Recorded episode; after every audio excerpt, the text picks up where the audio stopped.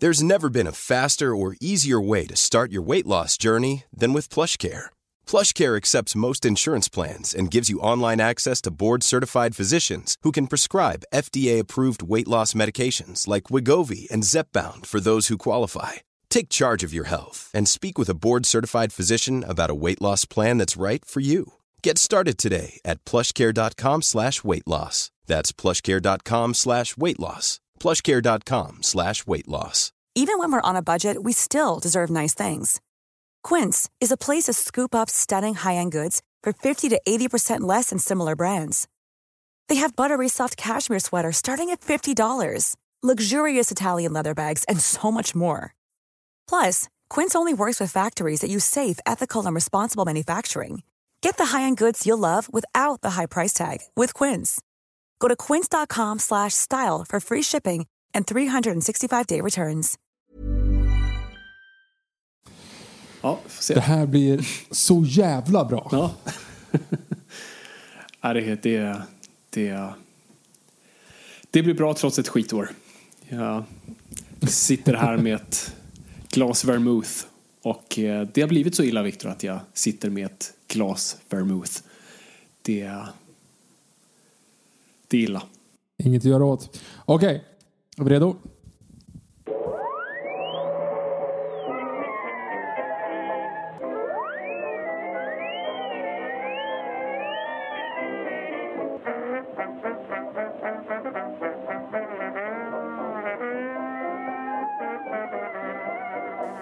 Då börjar jag i stort sett bara. Hej och välkomna till Nörden jag, jag som är nörden Fabian Rolander. Och det är jag som är jag, Viktor Engberg. Det här är podcastens samarbete med Acast där vi pratar nördämnen, nördkultur, slags bildande syfte. Jag försöker bilda Viktor i saker han tycker om men inte vet så mycket om. Och idag är ju ingen bra dag. Eller jo, det är det. Men det här var inget bra år. Nej, det var, det var ingen vidare år faktiskt. Det, det, det tror jag vi alla, eh, alla på hela jorden har, har nog delat den uppfattningen. På ett eller annat sätt så har det varit ett riktigt jävla pissår. Eh, Så att vi, vi tänkte väl ta farväl, eller snarare slänga, slänga dörren i ansiktet på 2020 med, med, med en härlig varm frågestund och på något sätt avsluta året på, på en väldigt fin och vacker not. Exakt. Och det gör vi då såklart med era frågor, för det är det bästa vi vet att höra från er och ja, bara gräva oss ner i vad ni tycker och tänker. Men först Viktor, innan vi ger oss av där. 2020, pissår. Jag vill höra om ditt pissår. Om det ens har varit ett pissår. Du kanske har haft ett, ett, ett, ett, ett bättre år. Så att, eh, berätta Viktor, hur har ditt 2020 varit? Det här är ju så här triggervarning för de som har faktiskt kanske förlorat jobbet eller förlorat någon nära och kära eller själv varit sjuka eller det har gått piss för typ hela världen. Men för mig personligen utifrån ett väldigt själviskt perspektiv så har det här varit ett väldigt bra år för mig. Eh, för att halvåret har jag tillbringat som föräldraledig vilket har varit liksom right up my alley. Det har varit helt fantastiskt att bara få tillbringa, ja det har ju blivit sex månader liksom med min ett och ett halvt åring. Det måste ju ändå Vi vara, varit- tänker jag, alltså, om man kan säga det, men alltså den, en optimal situation att vara pappaledig, alltså på ett sätt. Eller jag vet inte. Är det Jo, det? men det är det ju. Alltså, så här, för, för på ett sätt också kan man ju säga att i och med att det har varit så pass mycket, jag jobbar ju en del med, med event och stora tillställningar och det har ju inte gått så bra, eller har ju inte gjort så mycket så att på ett sätt har jag också känt så här, jag, jag har inte missat så mycket på jobbet heller. Alltså, antingen, jag hade kunnat tänka mig att man går omkring och har liksom lite dåligt samvete för att man inte är på jobbet. Men jag har inte ens tänkt på det. För att jag vet att det, har liksom, det här kommer sätta igång igen 2021 och då är jag med igen. Eh, Men utöver det så har det bara varit liksom, det här har varit ett av de absolut bättre halvåren i mitt liv. Alla kategorier och bara få hänga med honom hela dagarna. Och framförallt det som har vi gjort, vi har ju gått omkring och gjort en, en grej av att gå på museum. Så vi Ja, har just varit på typ mer eller mindre varenda museum i hela Stockholm. Och de har ju varit, under en period så var ju de öppna men ingen var där. Ehm, och jag vet att vi är ombedda att ta det försiktigt och hålla oss undan. Jo, jo, men vi var, vi var väldigt försiktiga. Framförallt så var vi på Skansen och Lifehack, jag vet inte om vi pratat om det här förut, men eh, det stora liksom lifehacket på just Skansen för er som när det öppnar igen. Eh, det stänger ju nu, under pandemin så har det varit så att det stänger klockan tre. Eller portarna stänger klockan tre. Men egentligen så stänger parken inte förrän fem. Så att vi har hängt på lås, alltså vi har varit där typ ja, men fem i tre varenda gång. Alltså tre, fyra gånger i veckan. Så att vi har varit helt ensamma på Skansen.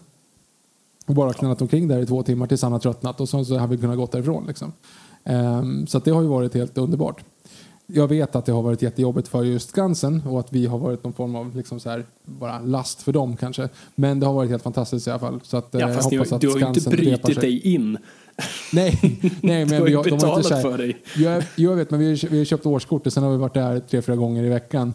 Så att jag menar, och vi har ju inte, vi har ännu inte kunnat liksom stödja dem när vi väl var på plats. Ja, vi har varit väldigt mycket visserligen på, på eh, Skansen-akvariet och på Baltic Design Center.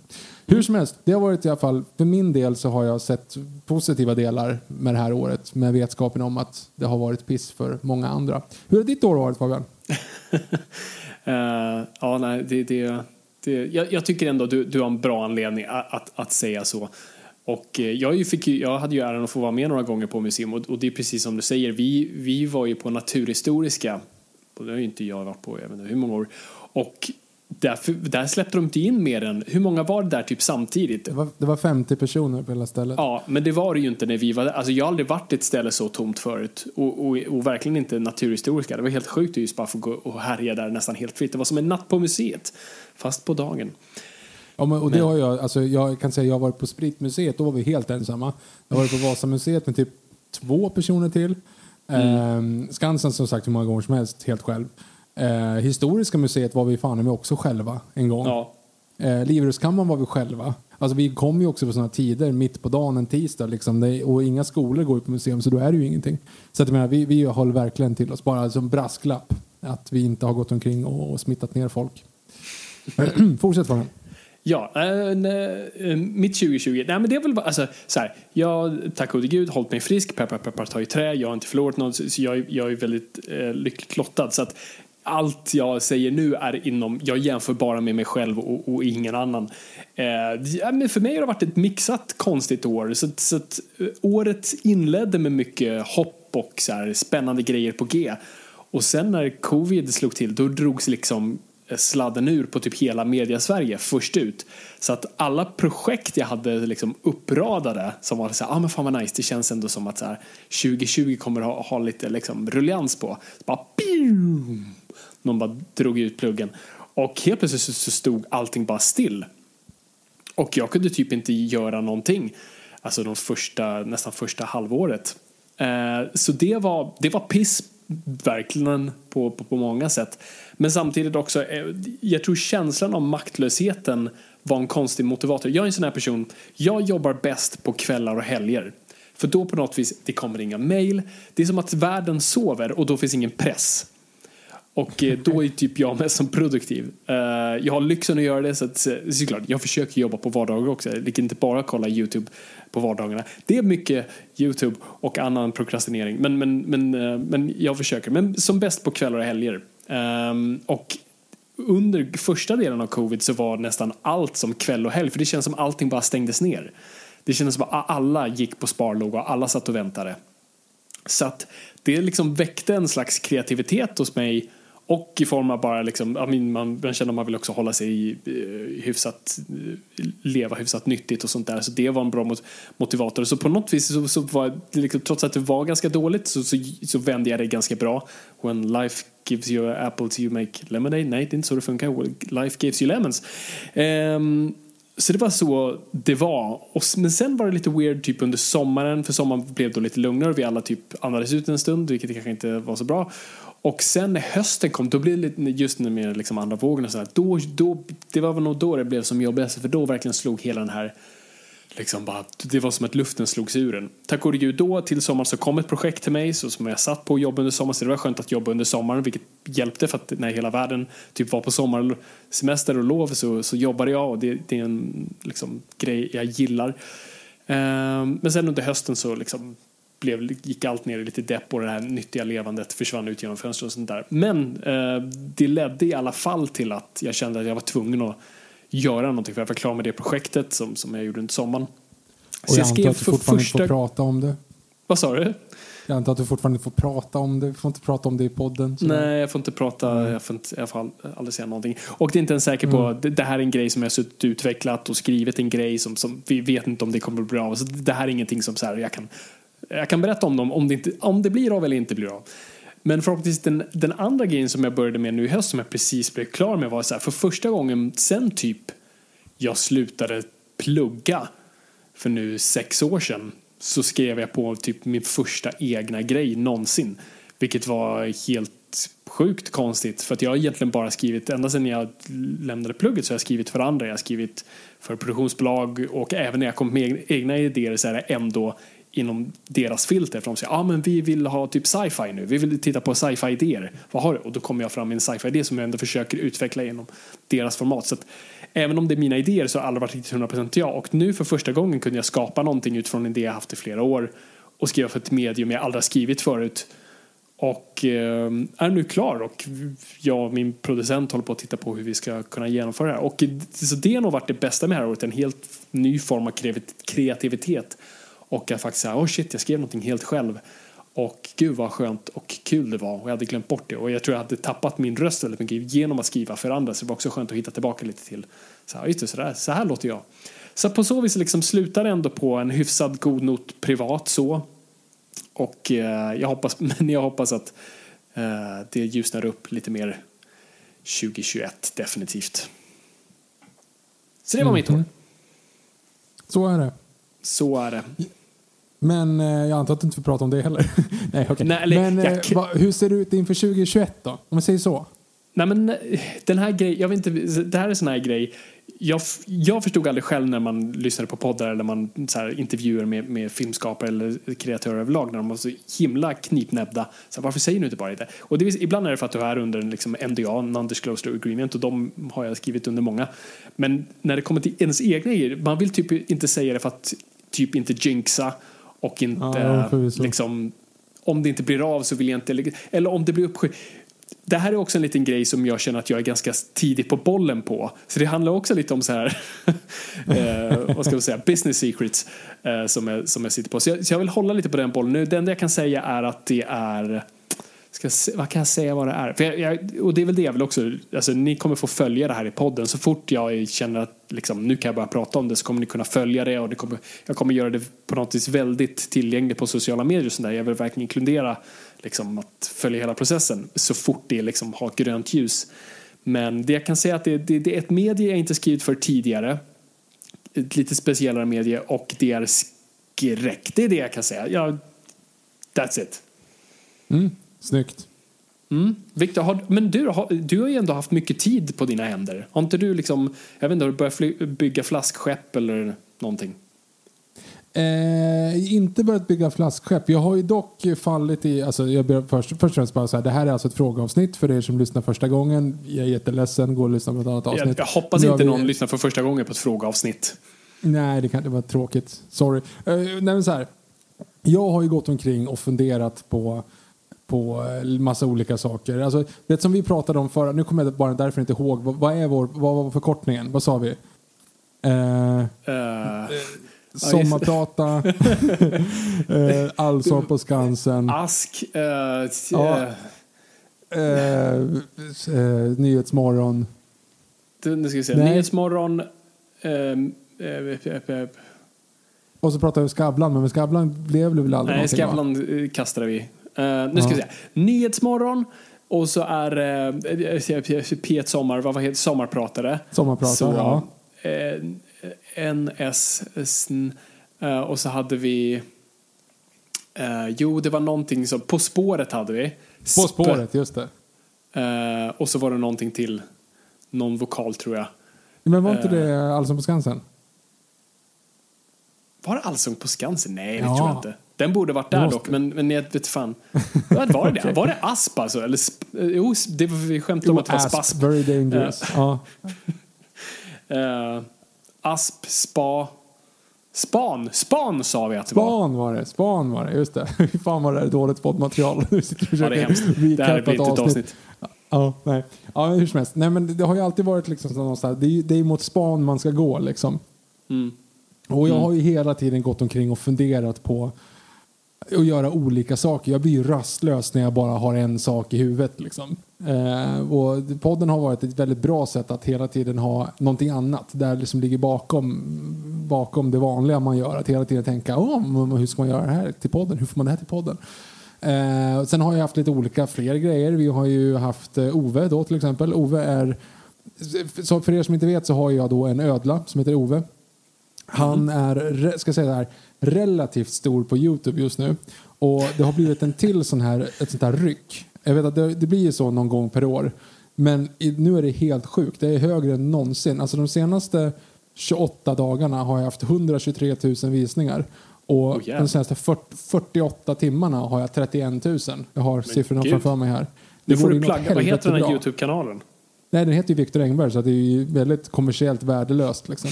Men det är, ju, det är ju filmer på Ove liksom, som gör olika saker. Och hans, eh, det, just nu, det som trendar just nu är ju hans eh, film när han eh, ömsar skinn genom näsan. Um, alltså jag har en gilla-markeringsratio på 96,8 procent senaste månaden. Det är sjukt bra. Hur som helst, alltså, så att jag har ju liksom tänkt att Ove måste ju finnas, han måste ju få prova sina vingar.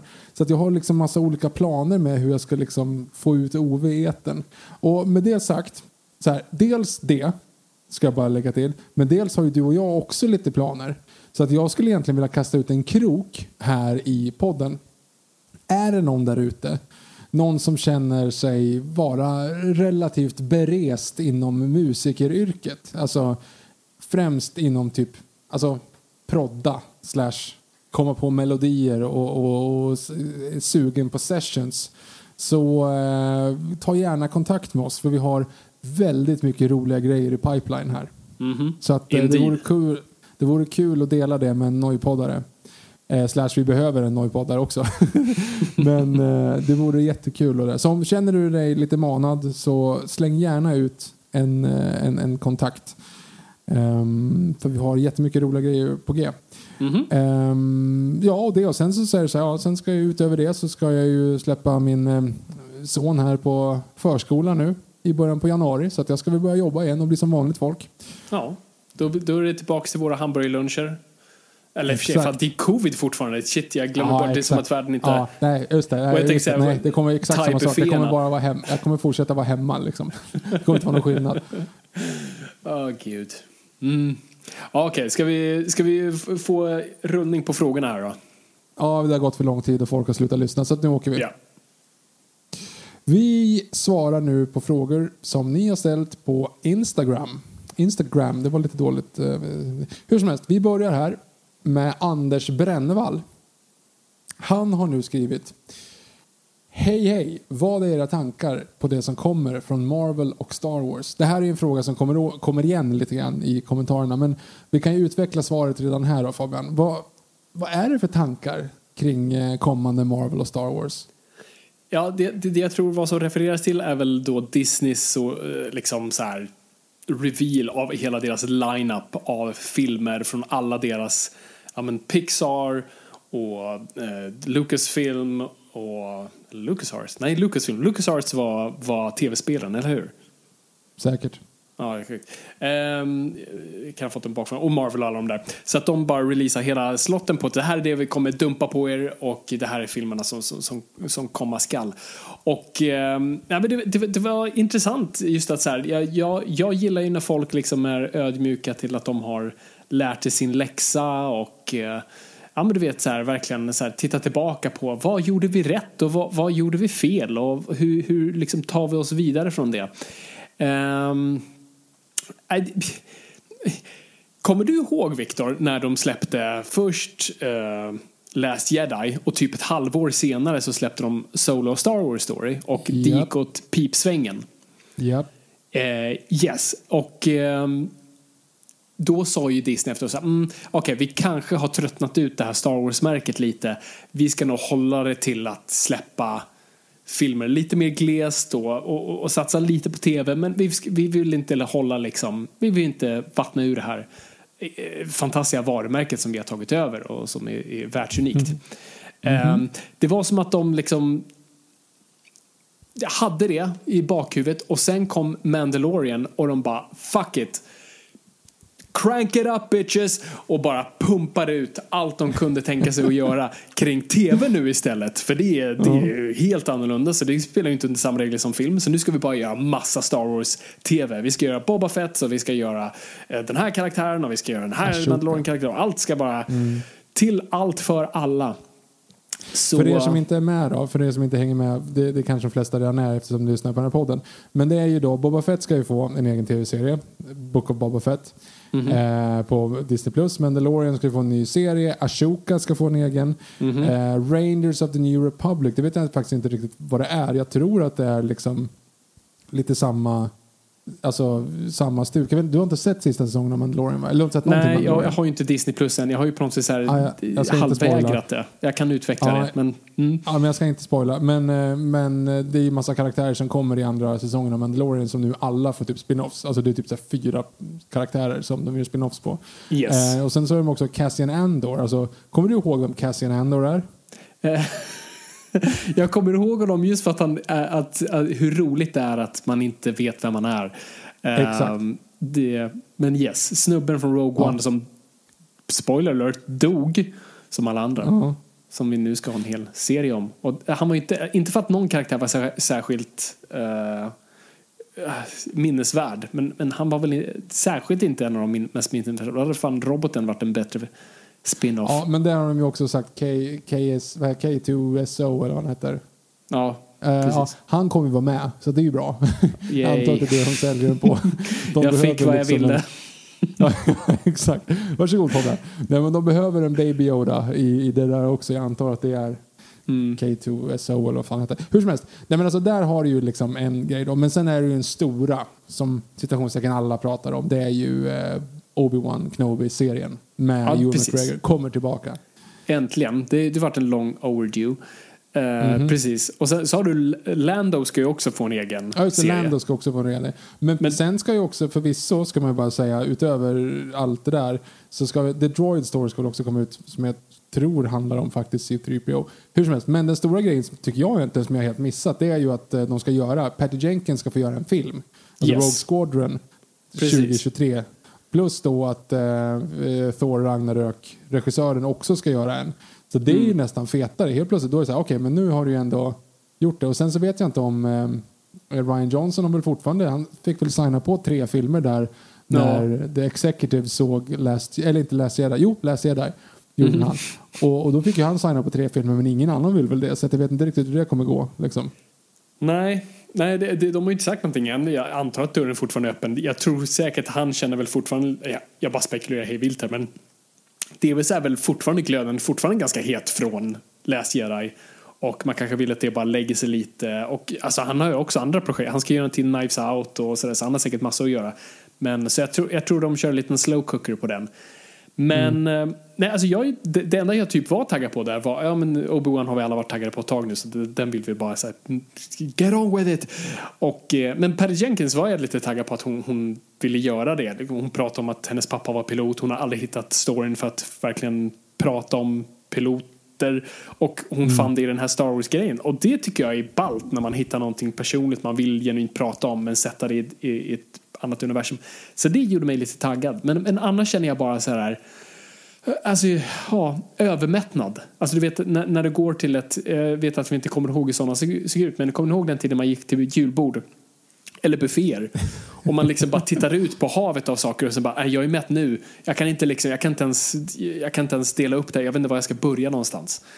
Ehm, det vet min svärfar för övrigt. Shit, han har bemästrat buffén på ett sätt som jag aldrig bevittnat förut. För, Alltså jag, när jag går på buffé, då kickar ju liksom Grottmans grejen. Jag tror att det här är min sista måltid och att alla kommer ta min mat ifrån mig. Så jag lassar ju på tallriken med, med all friterat jag kan hitta och det fetaste jag kan hitta och bara sitter i ett hörn för mig själv och liksom skriker som en schimpans om någon kommer nära och bara kastar i mig all mat. Som Det är ju tydligen gör.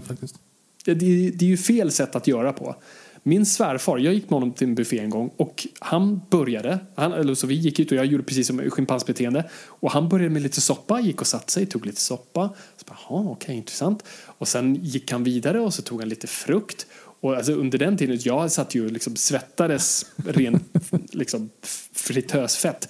Eh, och sen gick han och tog, liksom, gick han på det kalla, den kalla fisken och så åt han lite av den kalla fisken. Alltså, om all, och sen jobbade han sig igenom det bara bit för bit, sektion för sektion, kategori för kategori. Och i stort sett, om alla skulle göra som han gjorde så skulle inte bufféer finnas för det skulle inte vara ekonomiskt hållbart. Alltså bufféer är byggt för sådana som mig som tror att det är den sista måltiden. inte för sådana som honom som vet hur man liksom breakar det systemet. Så att uh, fan, det, jag lärt mig mycket där. Men samtidigt har jag inte tagit åt mig någonting för att det spelar ingen roll hur, jag, hur mycket jag intellektualiserar det.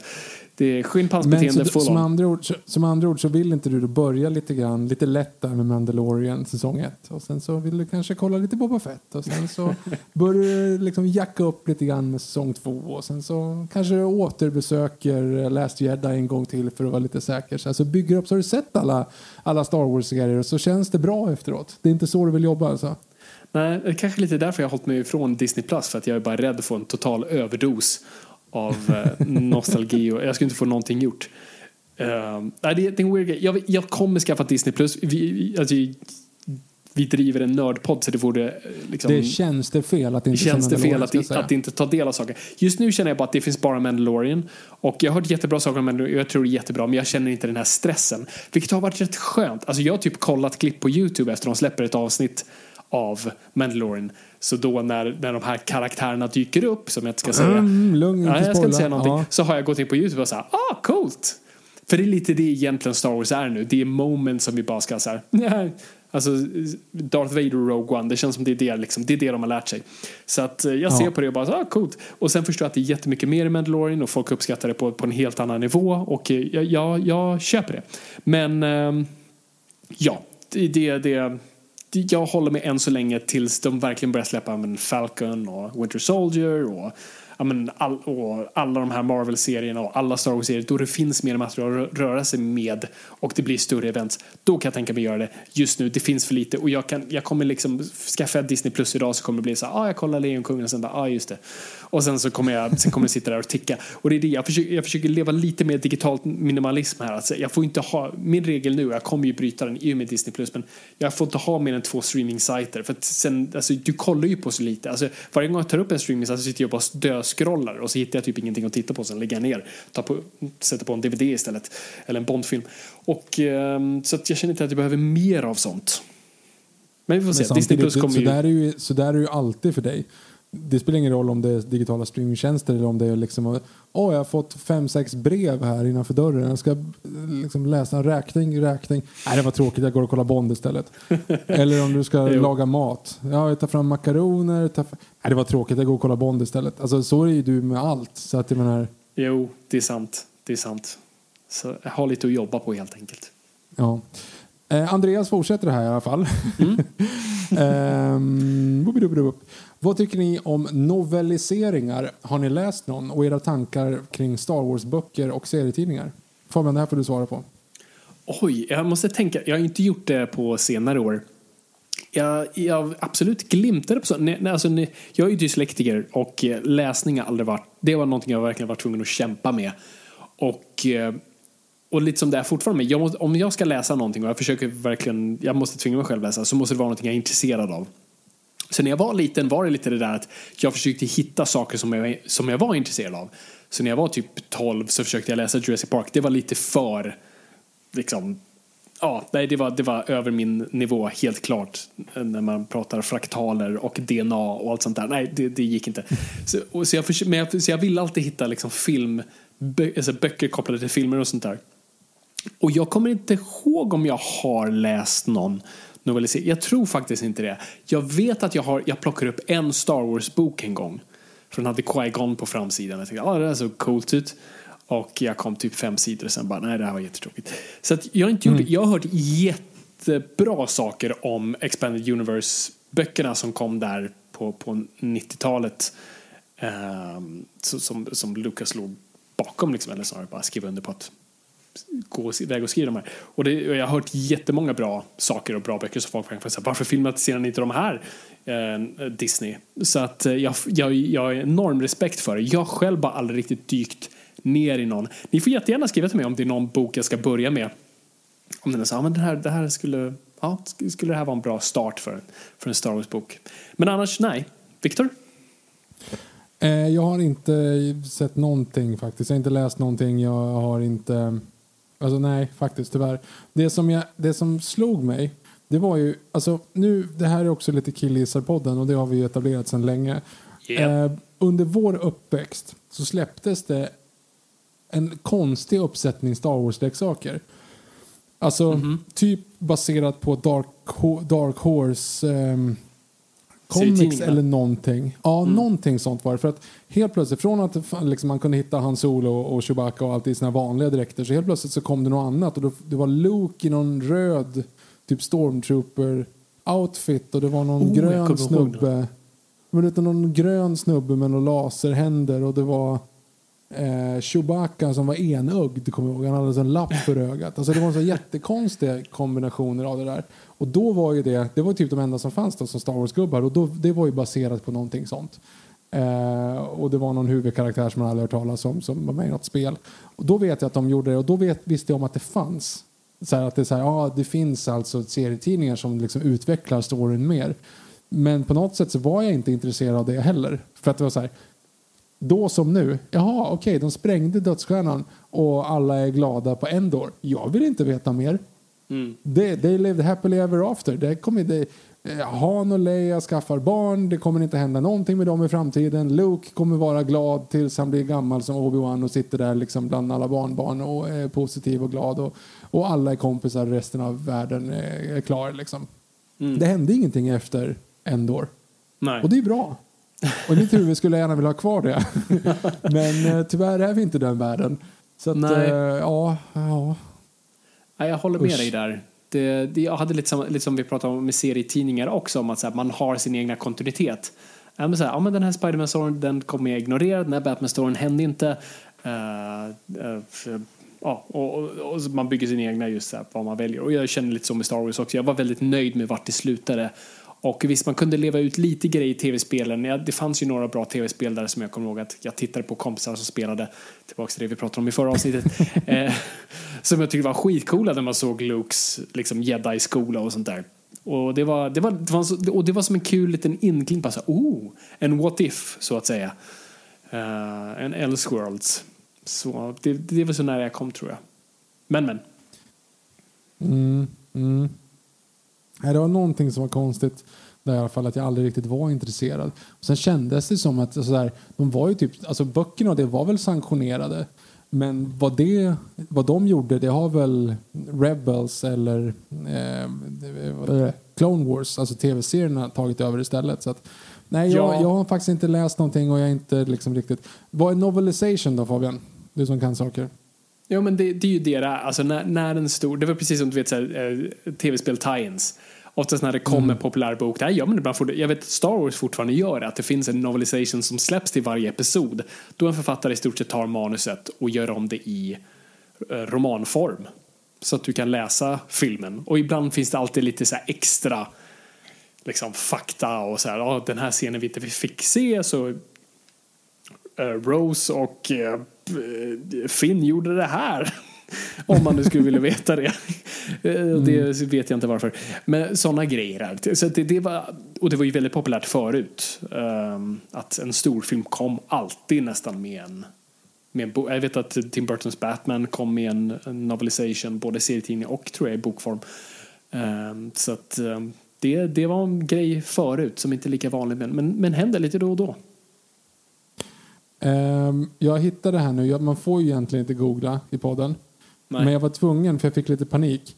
Men Shadows of the Empire hette den eh, alltså, leksaksserien. Och där fanns det massa, det var liksom någon no weird grej, jag vet inte, det kom ut 96. Mm, så mitt i bland allt det där, ja så kom det ut massa liksom weirda leksaker som inte har någonting med filmen att göra. Och Mm. där så var då bland annat eh, Luke som stormtrooper och Chewbacca som Bounty Hunter och massa olika sådana grejer. Mm. Och så här karaktärer som man aldrig sett förut. Som jag vet att jag liksom fick, ja det här är en Star Wars-figur. Vem är det här? Bara, jag vet inte, det står Star Wars på boxen och då tycker man att det är coolt. Ehm, så kolla, googla Shadows of the Empire Toys så förstår jag vad jag menar. Så, eh, vi- ska vi fortsätta? Ja. Vi har också fått en fråga här från eh, Admir Semanovic. Disney rullade ut århundradets line-up nyligen. Vad ser ni mest fram emot? Oh. Ja, ja, det är väl lite som vi sa, alltså Patty Jenkins film där.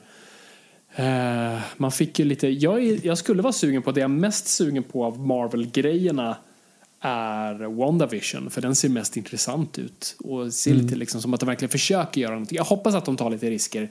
Eh, det tenderar ju inte att ske, men, men den ser mest intressant ut. Sen vill man väl se Uh, alltså Captain America eller Falcon och Winter Soldier Uh, för att jag är ett Bucky-fan.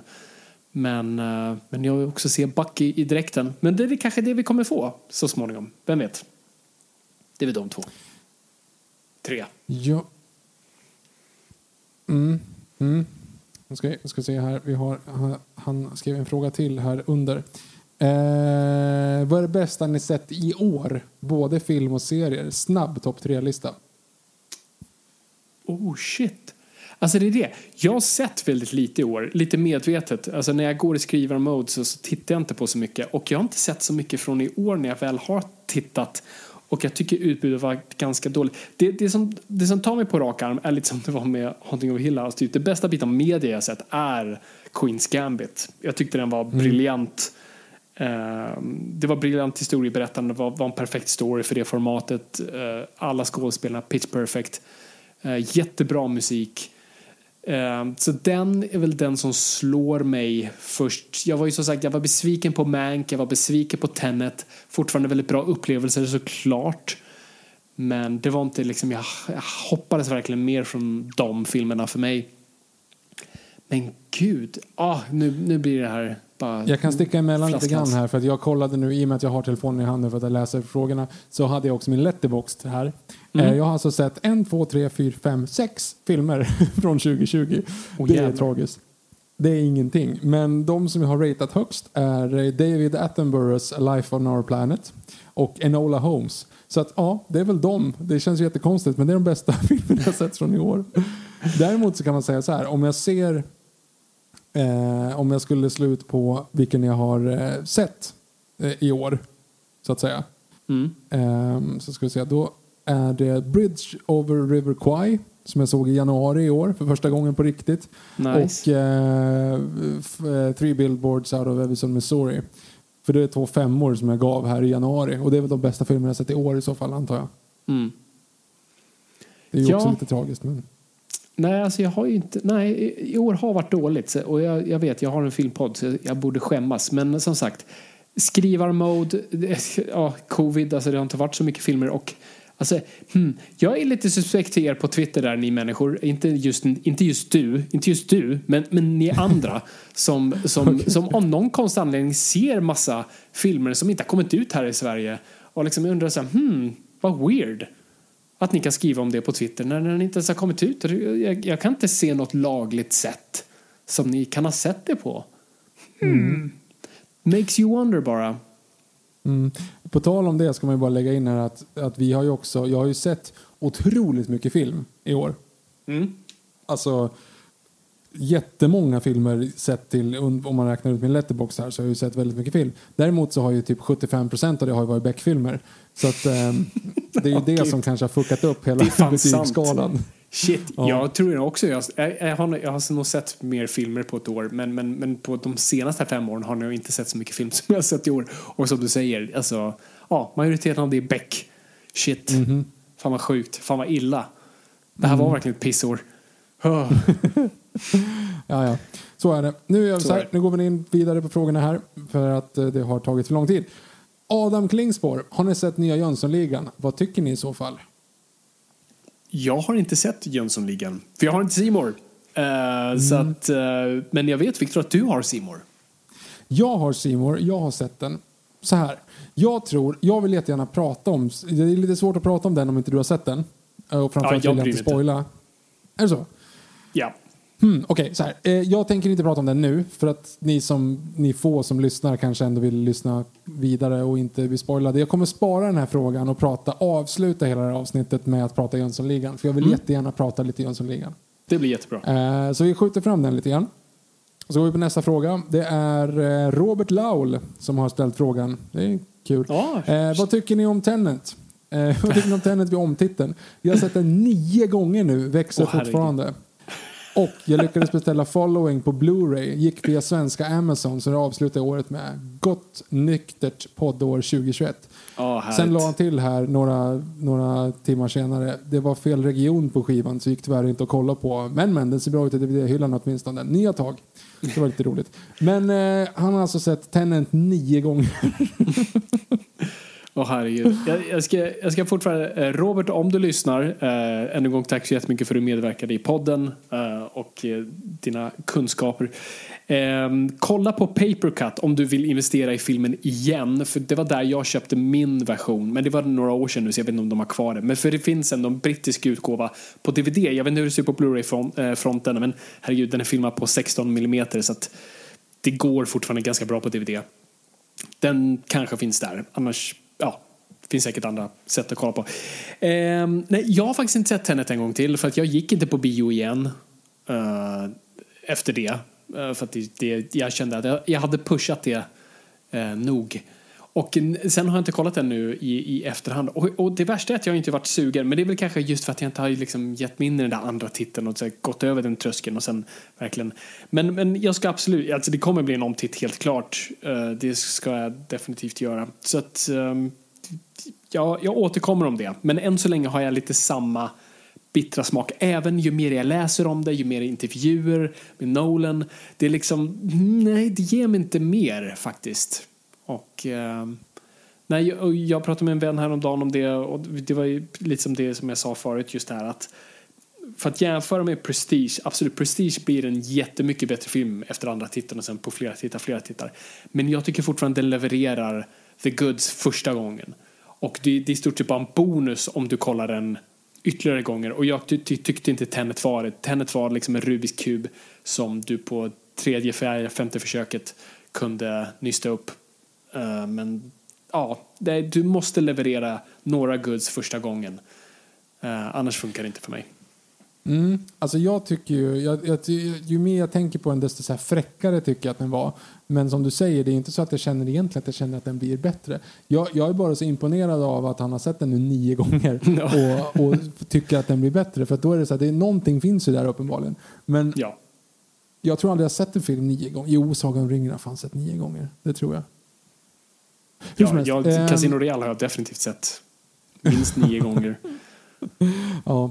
Uh, nej, men det ska bli intressant. Jag vill ju se om den nu, för jag har inte gjort det än. Uh, och det känns som att så här, kanske att man kan slappna av lite grann i storyn. För att det är lite grann som, sa vi förut också, Austin Powers när han tittar in i kameran och säger just don't try to to grasp it, vad han säger. försök inte förstå, häng bara med och njut. And that goes for you all too. Alltså, mm. Det är lite grann den känslan jag skulle vilja sätta mig där med.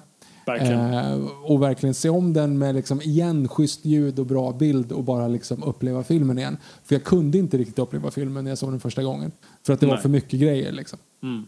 Så Nej, ja, vi får se. Jag ska, det, det är också en bra 2021 eh, mål att se om den några gånger. Mm. Um, så gör vi.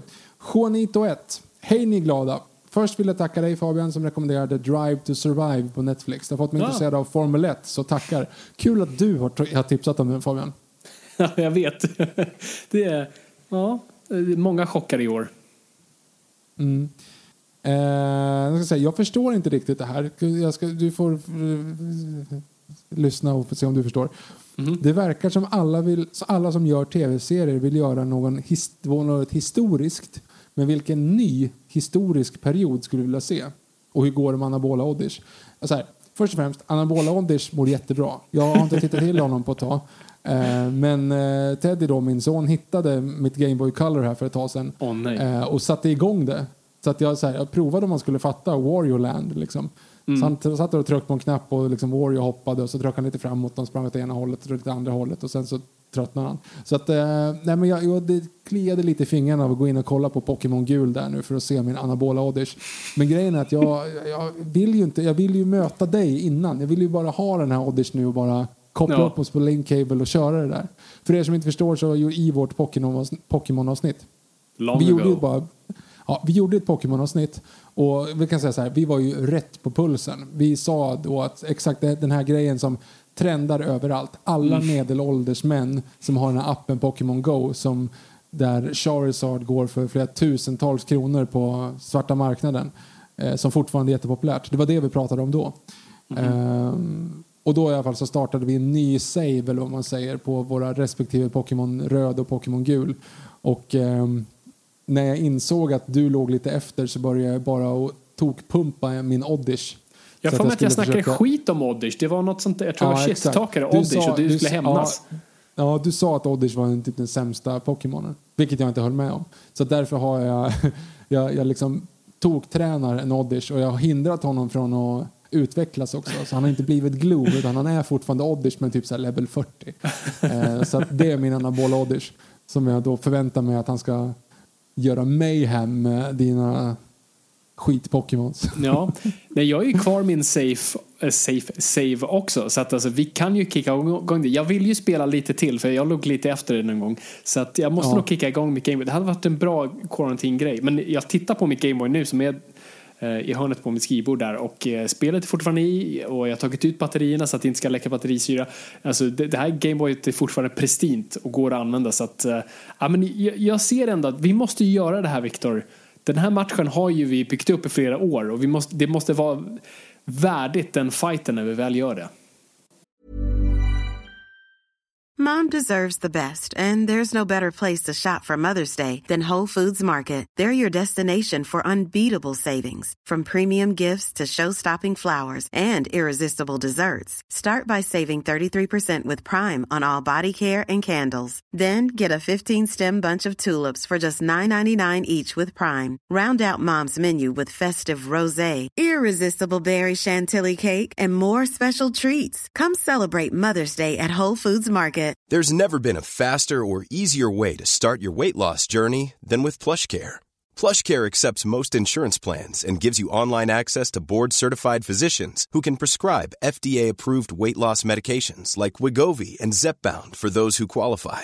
Take charge of your health and speak with a board-certified physician about a weight loss plan that's right for you. Get started today at plushcare.com slash weight loss. That's plushcare.com slash weight loss. plushcare.com slash weight loss.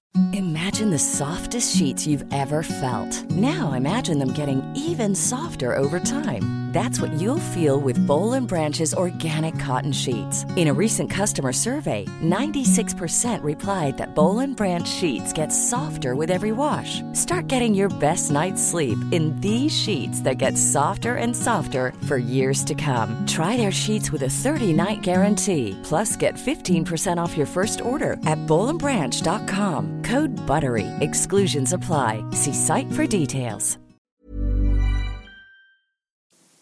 Ja, men det är ett bra nyårslöfte till 2021 också. Ja.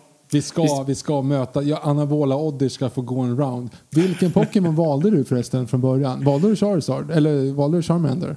Alltså nu kommer jag faktiskt inte ihåg för att eftersom Pokémon gul så får du ju Pikachu automatiskt. Ja, du kör gul. Ja, du ja. kör också gul. Jag trodde du körde röd. Okay. Nej, jag hade ah, okay. röd. Det var den jag hade när jag var liten och sen fick jag gul. Och den röda har jag inte kvar. Den vet inte var den hamnade någonstans. Så det är bara gul som, som är kvar. Fattar. Men jag tror jag plockade upp en Charmeleon på vägen någonstans. Jag tror jo, men jag... de, de, är den, ja, men de får du automatiskt. Mm. Okej, okay. ja men det blir bra. Det, det är jättebra. Mm. Eh, just det, han ställde också frågan här nu som jag inte riktigt förstod först men nu när jag läste den en gång till så förstod jag. Det verkar som alla som gör tv-serier nu vill göra någonting historiskt men vilken citationstecken ny historisk period skulle ni vilja se? Eh, jag, antar, jag tolkar din fråga som att finns det en peri historisk period du skulle vilja se en tv-serie om Fabian som du inte har sett? Eh, det finns det och jag har en sån pitch så det kan jag inte säga någonting om.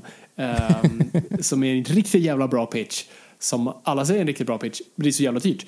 Så att eh, vi får se om det sker. Men bortsett från den perioden, den, den kategorin så hmm.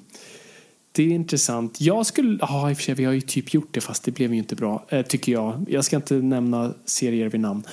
Eh, jag skulle jättegärna vilja se eh, Sverige på 40-talet, alltså under krigstiden. Fast på ett coolt sätt. Eh, det finns många coola stories där som, som, som jag har läst om.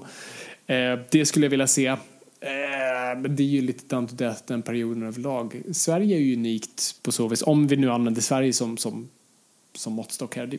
Man kan ju titta internationellt också. Eh, alltså det vore ju alltså egentligen vilken jävla period som helst eh, inom svensk historia. Det vore kul att bara se något big budget Alltså från alltså, vår storhetstid och allt sånt där. Alltså det vore bara skitcoolt att se något sånt. Som inte känns så ah, okej, okay, de plockade det där, de där kläderna från arkivet på SVT och lite från Dramaten. Åh, oh, gud. Uh, och, ja. Den där Karoliner-uniformen har fortfarande tvättlapp på sig. Ja, jo men exakt. Um, så att, jag vet inte, jag har inget konkret förutom då såklart den jag har tänkt på, för den har jag ju tänkt på av en anledning. Viktor, du är ju mer historiebuffen här. Är det någonting du ja, tänker men, på? Här, jag håller med lite grann och jag vet ju vad du tänker på och jag skulle också vilja se det.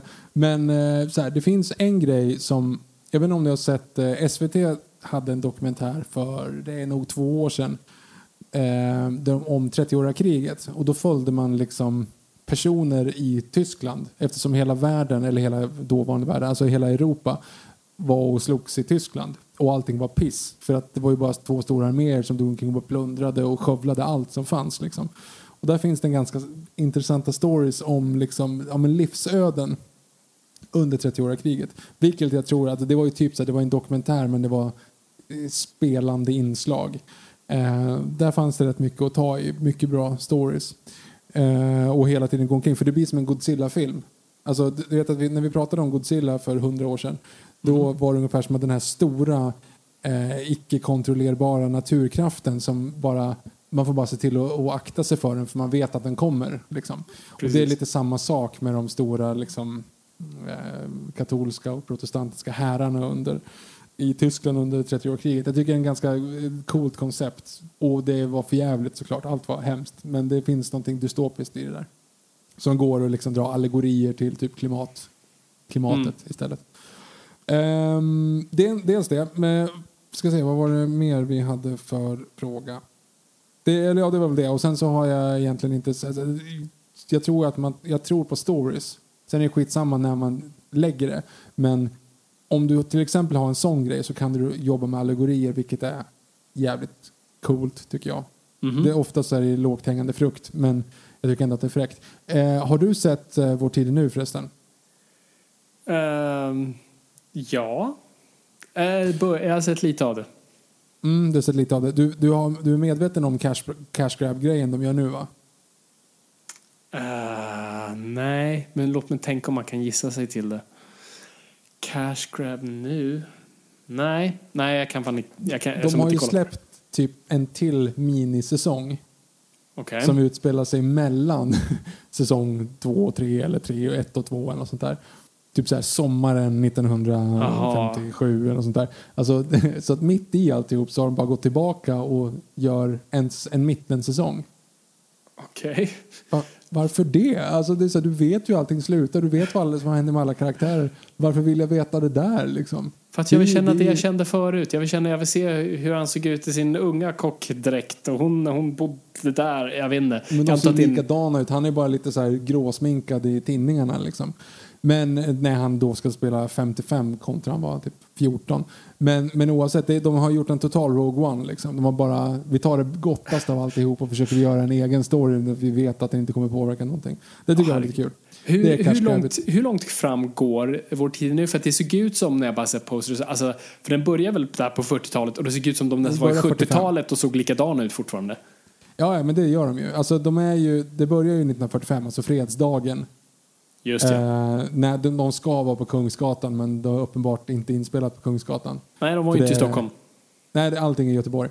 Eh, vilket syns om man känner, känner till hur saker ser ut i yep. den stan. Eh, nej, men och då i alla fall så har de ju då är det ju krigsslutet och de blir ju liksom kära bland folkvimlet där. Krigsslutet, det är första scenen. För han är ju på väg till sitt nya jobb som typ springpojke där Just, ja. på fredsdagen. Och sen så fortsätter det långt in, det är in på 70-talet i alla fall. Och då ska han ju vara typ 55-60, men ja, de ser likadana ut. Fast en annan keps. Eh, bo, bo, bo, bo, bo, bo. Var det klart? Jag tror det. Ja, det var klart. Okej, okay. Börjare i Göteborg. Jag måste säga är ett... Eh, jag vill rekommendera det här kontot. Trots att jag inte äter så mycket hamburgare i Göteborg så har vi en, eh, en kär lyssnare här som, som eh, rekommenderar hamburgare i Göteborg. Oh. Och går man in och kollar i feeden så är det bara alltså, fräcka bilder på hamburgare. Och det nice. tycker jag var väldigt kul. Trots att jag inte, jag ska bara stickspår, jag har inte ätit en enda cheeseburgare sedan våran livestream här för Musikhjälpen. Nope. För er som inte var med så fick vi en förfrågning av eh, Radiosvallet, alltså Sundsvalls studentradio, om vi skulle vilja göra en grej för deras insamling till Musikhjälpen. Så att vi eh, livesände eh, på Instagram där folk kunde då donera pengar till Radiosvallet eller till oss då som skulle skicka vidare till Radiosvallet som i sin tur skickar vidare till eh, Musikhjälpen. Och då skulle vi äta en cheeseburgare för varje hundra kronor som kom in. Eh, och vi satt såklart på distans och jag hade jag hade, stoppat, jag hade köpt 11 för jag tänkte att det, mer än så blir det ju inte. Liksom, och då är det ändå 100 spänn och vi får äta varannan. Så, ja, men, liksom, det, det borde vara okej. Okay. Och du hade bunkrat med 10 va? Ja, precis. Och vi fick in 2700 spänn. Jajamensan. Så det var skitbra. Så för det första, tack så jättemycket till alla som tittade och alla som lyssnar och som skickade in och swishade in lite pengar där. Men eh, samtidigt, jag åt ju alltså 11 cheeseburgare på typ en timme. Jag, jag har inte ätit speciellt mycket cheeseburgare efter det. Jag har inte ätit en enda för att jag liksom, det känns, jag överdoserade mm. mättat fett där. Yes, det är stor eloge till dig. Jag fegade ju ut det. Jag fick inte i mig mer än sju. Eh, sen, sen fick jag panik att jag skulle sprängas inifrån eller jag vet inte, en överdos av transfett. Så att eh, jag misslyckades, men pengarna fortsatte komma och det sa all eloge till, till, till, till lyssnarna, tittarna då. Det finns fortfarande kvar på Instagram för, för den som vill titta på det.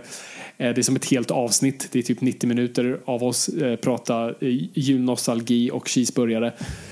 och jag på, som nästan gråter. Eh, så stort tack till er som, som gav pengar och var med och tittade. Och stort tack till Marcus Lundqvist som, som, som ordnade det där och skickade förfrågan. Så att, eh, det tackar vi för. Men det var inte det vi skulle prata om nu. Börjare i Göteborg i alla fall har ju skrivit från Börjare i Göteborg-kontot. Eh, och de pratar också Jönssonligan. Så att jag ska ta den här frågan sen. Kom ihåg att jag ska ta den här frågan sen. För det är också en ganska yep. bra twist. Eller okay. nu, vi kan ju faktiskt göra det här innan.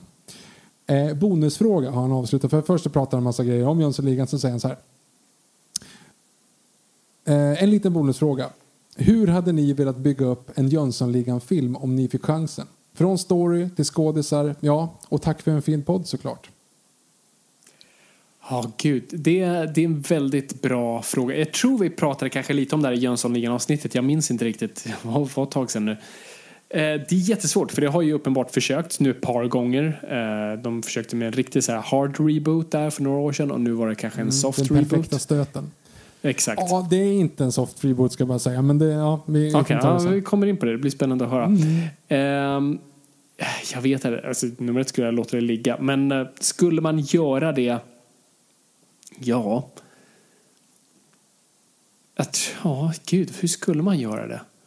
Frågan är, Frågan är, och det är lite som man har pratat med James Bond också, så här, ska man inte bara flytta det tillbaka till 60-talet där det hör hemma? Och det är så här, ska man inte bara låta Jönssonligan ja, få vara kvar på 70 80-talet? Uh, eh, för det är där det hör lite hemma nu och det är skittråkigt att dra in ny teknologi i det. Jag vet inte riktigt. Uh, jag vet ärligt talat inte. Jag tror det är en skitsvår franchise att, att ge sig på. Jag tror jag skulle hålla mig ganska godtrogen. Nu vet inte jag hur godtrogen den, den här nya är. Men uh, jag vet inte, jag måste ha mer tid att tänka på det. Jag, jag vet det är inte. Svårt, det är svårt att prata om det här utan att prata om den nya filmen också. Men jag skulle i alla fall bygga den på exakt samma sätt som de tidigare. För alla de andra följer ja. samma schema. Exakt. De börjar med en grej. Den misslyckas. Sickan hamnar i fängelse och det är alltid någon av Walla Envalds advokater eller, eller eller eh, jurister eller någon, någon sån här som har skött hans ekonomi som också sitter inne, som mm. läcker. Och, plan, och planen går ut på att då har via den, den informationen som den här advokaten har läckt ja. har liksom de byggt upp en ny plan. Och sen så gör de en plan, lyckas, han kommer dit, får övermod, kommer till Wallenberg, typ förlorar på något sätt och måste göra det en gång till fast på ett smartare sätt och sen så lyckas de eller så misslyckas de på slutet. Ja, helst misslyckas det, de. Ja, exakt. Men det är ju alltid så det går till. Ja, det, eller jag, alltså, när, jag tänkte att det här var uppenbart att det är så man gör det. Jag tänkte inte ens exakt. att det var en, liksom, en grej vi behövde ju... säga. Det är klart, ja, alltså, vi gör det ju nummer ett oavsett vart du väljer att placera det. Så du gör det den strukturen. Men sen så tror jag också, det den stora grejen är, det är ju att ta vara på karaktärerna. Okej, okay, vi, vi skiter vi, tar, vi pratar om det här sen. För ja, det här är jättebra. viktigt. Vi pratar ja. om det här sen. Okej, um, okay, vi fortsätter här då. Eh, Adam Sörman Har ni sett Mandalorian och vad tror ni om Disneys kommande plan gällande Star Wars? Stort tack till Sveriges bästa podcast. Tack Oh, själv! tack så mycket. Det var länge sedan vi kallade det. Det var fint. Ja. Ehm, så här, vi kan prata Mandalorian också lite grann, men jag, så här, den är svår att den är svår att prata om utan att man har sett dem båda två. Men jag ska göra så här. Fabian, du som inte sett Mandalorian. Nej, Jag skulle- förutom det- några klipp på YouTube.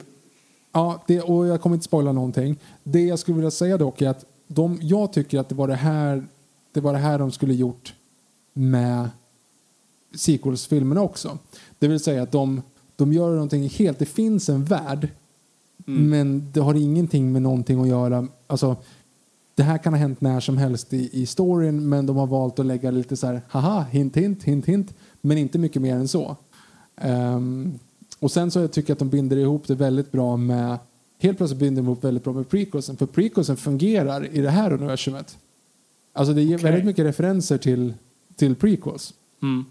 Eh, som, och det är ju David Filoni, eller vad han heter, Fil. Filoni, som också gjorde Clone Wars som är med som medproducent. Mm. Ehm, för det är en helt ny karaktär, det är en helt ny story, det är en helt ny karaktär, bara att det finns liksom det, den utspelar sig under att imperiet har ju gått under.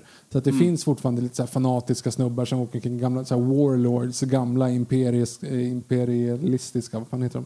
Men typ generaler i imperiet som typ har slagit sig ner på en planet och nu har lite stormtroopers och typ är en ja, men som en så här, drogkartell som bor på den planeten. Det är typ såna, den delen av imperiet är ju kvar. Men det är ju liksom, det är ju bara ja, men, folk som idoliserade det gamla för att alla var ju inte ombord dödsstjärnan liksom. Men det är en helt egen story och den, jag tycker att de binder ihop det ganska bra eh, med det andra. Eh, och sen framförallt så är det ju det de inte fattade vad Star Wars faktiskt är. Det var prequelsen framförallt inte fattade vad Star Wars faktiskt är. Det är ju att det är ju en, ett äventyr. Mm. Alltså det är ju inte speciellt mycket mer sofistikerat än Xenia the Warrior Princess.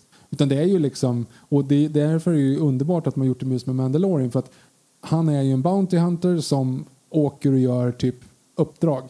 Så vissa avsnitt liksom för den stora storyn framåt men de flesta gör ju inte det utan då är det så här, då kommer han till en planet och nej vi är eh, de, det finns skurkar här i närheten hjälp mig att ta bort den så får du den här eh, stenen okej och sen så gör de det uppdraget och så slutar med att de åker därifrån. Så det blir liksom man with no name känslan. Det känns Just som en ja. västern hela filmen. Och det, eller hela serien. Och det gillade jag verkligen. För det har jag sett till exempel om man kollar hur eh, betygen ser ut på IMDB. Så de avsnitten som inte för storyn framåt utan som är liksom som ett äventyr. De har mycket, mycket lägre än de andra. Men det tycker jag nästan är liksom så här. Det är ju lite grann charmen. Sen ska det alltid finnas, det finns alltid en liten grej som är så här, om nu får den här nyckeln så att jag kan åka och öppna det valvet där det finns en ny typ av sköld som kan göra så att jag kan, mitt fartyg, mitt skepp kan lyfta igen. Alltså det är alltid någonting sånt. Eh, och jag tycker att de väver ihop det ganska snyggt. Jag gillar Mandalorian i alla fall. Det är inte så här tok fantastiskt som alla säger. Alltså sista avsnittet i andra säsongen har ju 9,9 i betyg till exempel. Eh, och det är ju svinhögt. Så att, och det är, så här, det, är på grund av ja, Darth Vader i Rogue One-scenen. Ja. Eh, det kanske inte är för hela storyn. Nej, precis. Nej, det, och det, det är väl det jag ser mest också i liksom i eten så är det de grejerna jag hör om. Just Mm. de här Darth Vader Rogue One moments och det är de jag sen går och kollar på eh, Youtube och säger ja det där var coolt. Eh, men som jag förstår det finns ju mer till det och det uppenbara som, som visar sig för mig här utan du har sett det, bara sett klipp och liksom läst om det och sådär och håller, jag är lite liksom, jag kollar mellan draperierna från bort därifrån. Eh, det är ju uppenbart att John Favreau och eh, förlåt, Dave Filoni, Fioni, Fil- eh, Ja, det- skulle ha alltså, styrt det här skeppet från första början och vilket annat Ja. universum vi hade levt i med de två. Jag förstår inte varför man inte gjorde för att eh, Filoni, Fioni, sorry, han var ju på något vis Lucas Prodigy, alltså han var ju på något vis den som tog över manteln från Lucas redan innan Disney kom dit. Och han skötte Clone Wars och Rebels och allt det där. Och som jag har förstått det verkligen gjort någonting nytt och fräscht men ändå hållit en fot i det gamla med franchisen. Eh, och det verkar som de kastade bort honom lite i början under Disney-eran. Eh, men sen tog in då honom och Favreau som jag också tror var ett genidrag. Favreau, alltså att folk bara inte kastar honom massa jävla pengar. Alltså han är inte perfekt så, men alltså han börjar ju bli typ, han är ju snart typ en modern Spielberg form att han haft en fot i typ allting vi älskar. Han var med, alltså när han gjorde Swingers var med och startade hela independent-rörelsen.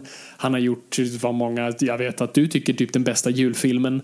Han skapade hela Marvel-universumet med Iron Man som, som många argumenterar skulle vara den, fortfarande den bästa Marvel-filmen och i alla fall topp tre.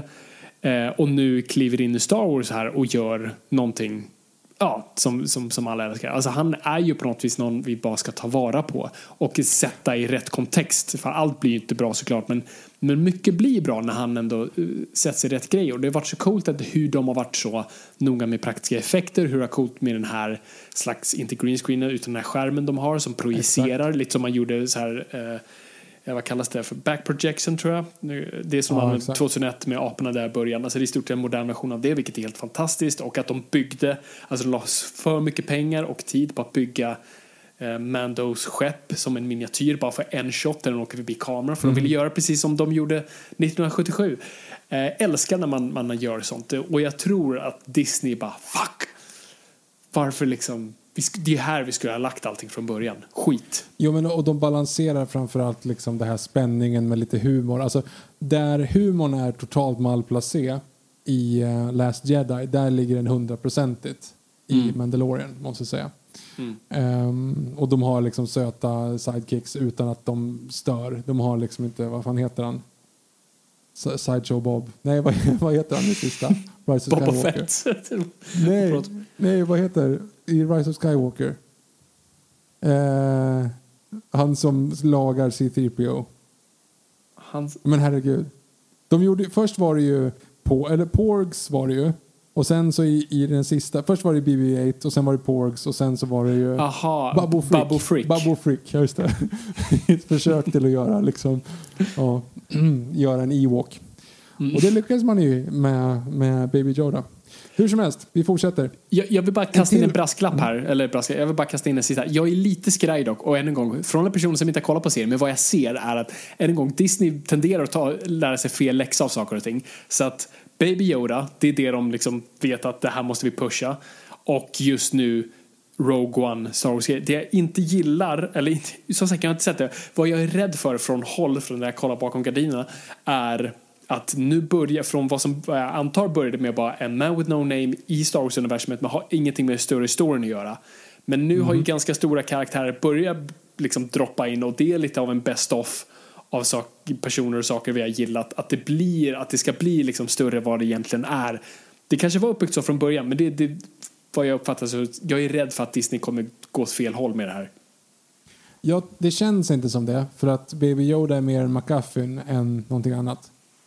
Väldigt bra beskrivet. Um, ja, nej, du, får, du får se det sen.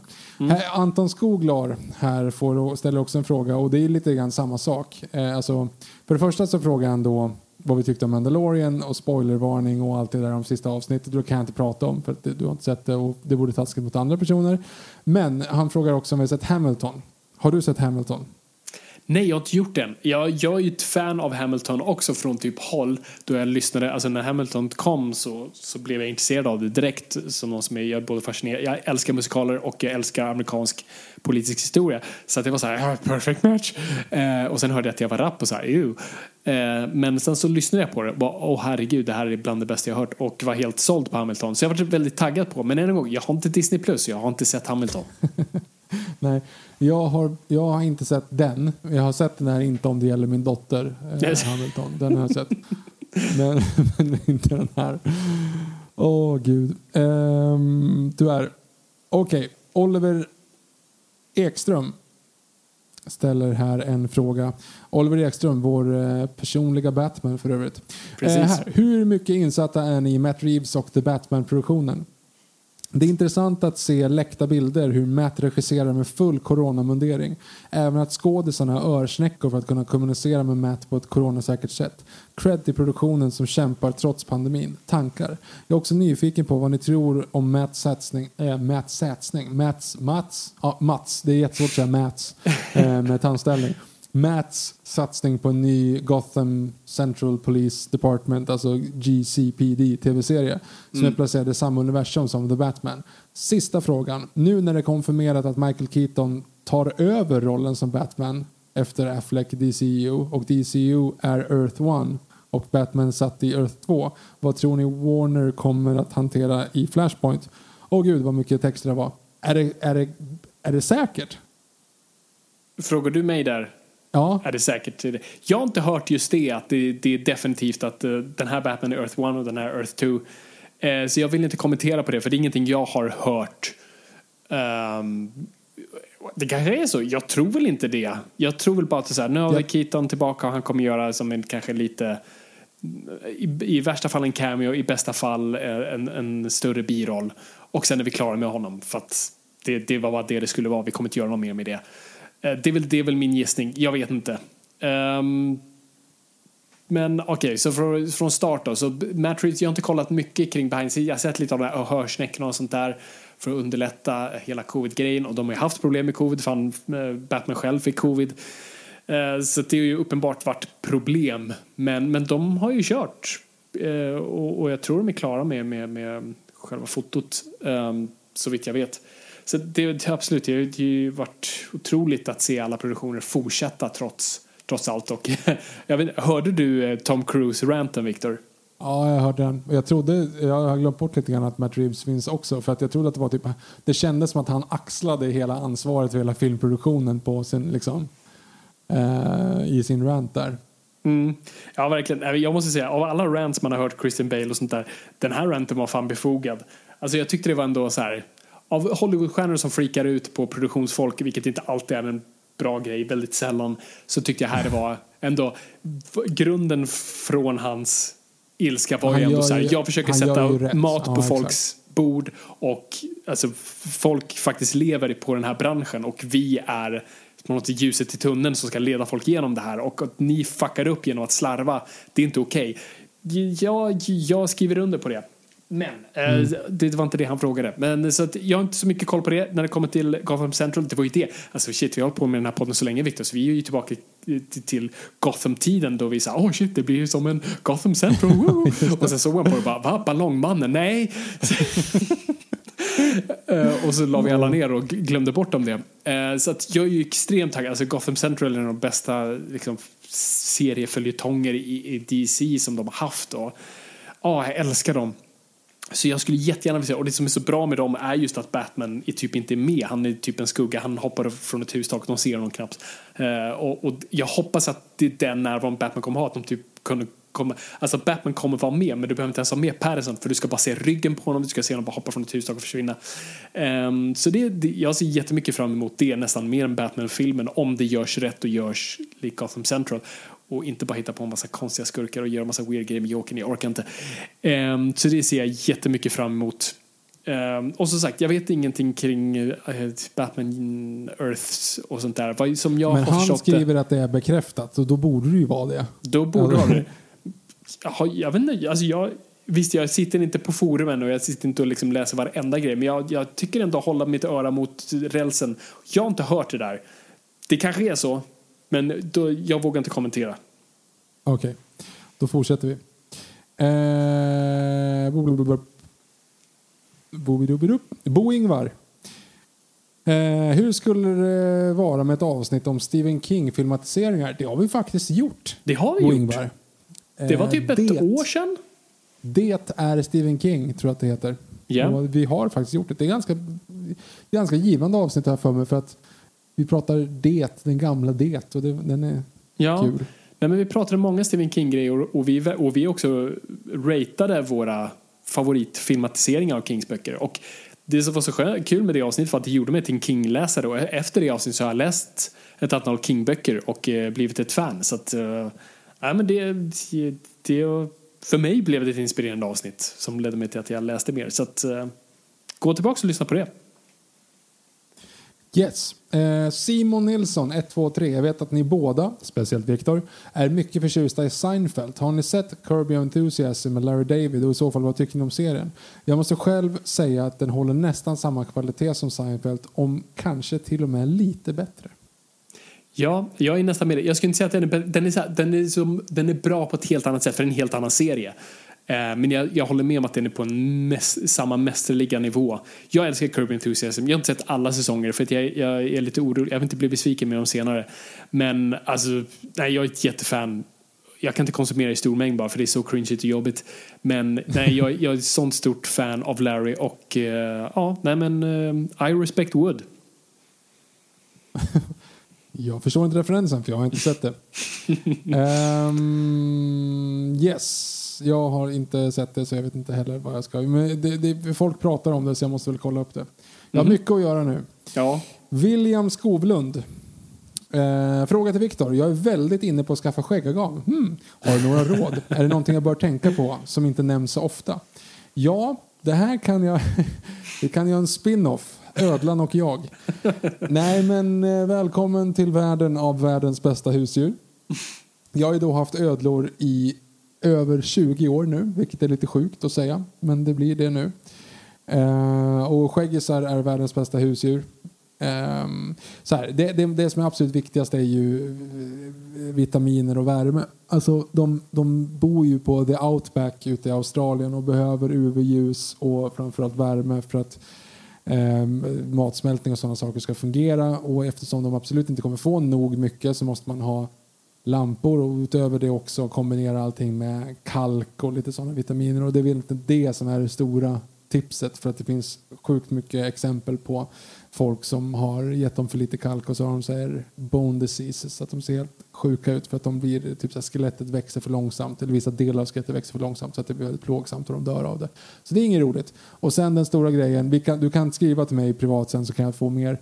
um, men den stora grejen är väl framförallt att vara beredd på att de lever jävligt länge.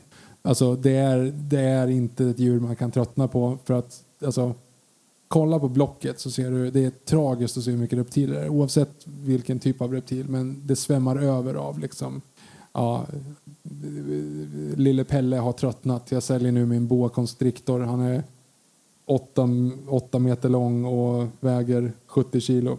Så det är ju bara tragiskt. Alltså du, du ser ju överlag bara folk. För det första, köp inte djur i present någonsin till någon som inte vill ha eller någon som inte är beredd på det. Eh, och framförallt var beredd på att allt växer. Och framförallt om du köper husdjur till dina barn så var beredd på att de kommer tröttna. Spelar ingen roll vad det är för någonting, om de önskat sig en hund eller en ponny eller vad det är i hela sitt liv. Så när det är liksom oktober, en tisdag i oktober och det regnar och tre plus, då vill de inte gå ut och rasta ponnyn. Liksom. Eh, så att var beredd på att du får ta hand om djuren själv. Nu ska inte du troligen köpa till något annat utan du ska köpa en skäggam till dig själv. Och i så fall så hör av dig till mig. Vi fortsätter här med resten av frågor som rör film. Lord Lucas 95. Fem frågor. Nu åker vi. shit. Vad tycker ni om att Warner Brothers kommer i framtiden, hej framtiden, släppa sex DC-filmer? Fyra som kommer hamna på bio och två på HBO Max. Vilka av DCs kommande filmer hoppas ni släpps på bio? Ska, ska vi börja där? Vilka, tror, vilka hoppas du släpps på bio? Uh, Batman. Ja, no shit. Ja. Batman, uh, Flashpoint. Uh, det är de som hamnar på bio. Alltså eh, Black Adam och Shazam-filmerna. Uh, vilka fler har vi i pipelinen? Aquaman 2. Uh, Räknas Wonder Woman? Ja, alltså nu har de ju sagt efter New Wonder Woman 2 här att, att trean kommer komma eh, av Patty Jenkins och eh, Gal Gadot. Det lär ju ta ett litet tag med tanke på att eh, Patty är iväg och i Star Wars-land. Men eh, ja, jag, jag, vet, jag vet inte riktigt. Alltså två, det känns väl bra med HBO, men det gör mig ännu en gång lite orolig där. Just här, varför, varför två? Vad är det ni försöker göra nu? Kom igen nu, backa bak. Gör inget dumt. Det, det är lite det jag känner. Så Ja, jag vet inte. Jag har ju, vi har ju pratat om det här. Ni kan lyssna på vår förra eh, Elseworlds kring, kring Warner Brothers och hela, hela HBO Max debaklet.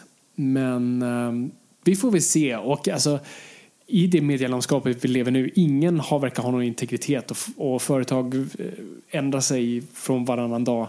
Så vi får väl se lite. Jag, jag tittar väl på så här med lite skeptism och bara så här, ah, ja, vi, vi tar det när det kommer. Men eh, vi får väl se. Alltså, medielandskapet kan vara helt annorlunda efter covid. Jag hoppas verkligen inte det. Jag har hopp om, om, om, eh, om filmerna kommer igen. Disney, håll ut, håll ut, håll ut. Det är det. Det, det, det är det här jag insett de här senaste dagarna. Just alltså, allt hänger nu på Disney. Det var lite det jag hintade om förut, men, men nu verkligen allt hänger på Disney. För att Disney har alltid varit i framkant av innovation. De, de är lite som Apple. De är aldrig riktigt först ut med någonting, men när de väl gör det så definierar de det för alla andra. Det är därför som man brukar säga, varje gång det var en ny teknologisk innovation inom eh, distribution så var porr och Disney på framkanten och de definierade vad folk skulle definiera liksom. Så att eh, så var det med, med alltså, Blu-ray versus HD-DVD, Betamax och VHS, Disney och porr, allt det där. Och jag vill att Disney och porren väljer IMAX. Istället för streaming? Men... Exakt. Så, uh, ja, okej, okay, jag tar tillbaka om, om, om porr på IMAX. Det, det kanske, det, nej, det är fel av så många anledningar. Åh, oh, gud. Um...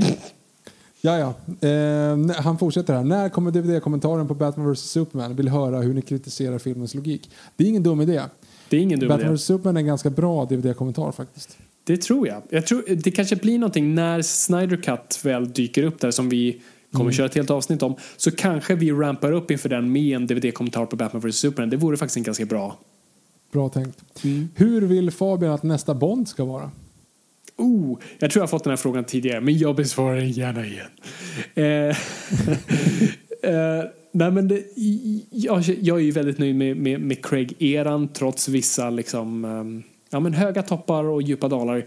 Så, så är jag ändå väldigt nöjd med porträtteringen och det känns väldigt Fleming. Men en sak jag verkligen har saknat är den äventyrlige Bond. Alltså Bond som dyker, Bond som åker skidor, som klättrar berg. Alltså den här liksom, elitsportsmannen. Jag vill inte gå full triple X här. Men jag vill, jag vill ändå ha min Bond i scuba gear. Det är det jag vill säga. Så jag vill på något sätt ha en, en mix mellan Craigs Fleming Bond och Dalton Fleming Bond.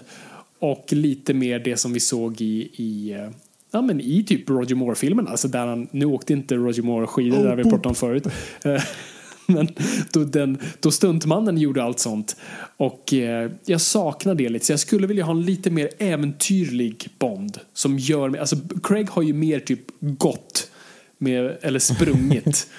Eh, alltså, det är väl det som, alltså, det var ju verkligen missed opportunity med Spectre att han befinner sig i snö men sätter sig aldrig på ett par skidor. Och på ett sätt så här, cred till Craig som säger nej jag kan inte åka skidor så jag tänker inte låtsas. Och det är väl fine men då kanske, men sätt inte skiten då i, i Alperna. Alltså kom Han kör ju ner plan istället. Ja, nej det funkar inte riktigt. Så att, ja, jag, jag vill se mer av det och jag vill jättegärna se, alltså det finns så mycket Bond-stories som inte adapterats trots att de har tagit namnen från böckerna. Så jag vill se mer Bond-adaption och jag vill se mer liksom, jag behöver inte ha super action-rullar utan coola spionfilmer filmer eh, med bra action, någon bra setpiece så tror jag det räcker. Mm. Ja, bra. Eh, fjärde frågan han skriver här också nu är eh, The Riddler kommer ju såklart vara huvudantagonisten i The Batman och jag eh, får Zodiac Killer-vibbar av honom senast jag såg honom var i Schumachers Batman Forever. Och vad skulle Fabian tycka om att Mr. Freeze får sin andra chans som huvudantagonisten i uppföljaren? Och där man gör honom mer rättvisa som han var i Batman The Animated Series och inga dåliga pappaskämt. här, jag vill bara gå in och försvara lite grann att det där är inte pappaskämt. Jag drar pappaskämt. Alltså skämten citationstecken som Arnold Schwarzenegger drar. Det är ju till exempel What killed the dinosaurs? The Ice Age. det är inget skämt. Nej. Alltså, att han säger så och sen så skickar massa is på en dinosaurieskulptur. Det är liksom inget, det är inget skämt. Det är nej. bara ett konstaterande som är fel. Alltså, eh, så här, ursäkta, nej, det var faktiskt inte det. Du är typ 65 miljoner år fel när du säger så. Och det har ingenting med saken att göra och nu så är den där dinosaurien kall men den var inte levande från början. Jag förstår inte riktigt poängen i det här, det du säger. Ja, det, så skulle det, jag säga. Det är faktiskt korrekt. Och jag tycker fortfarande det är roligt.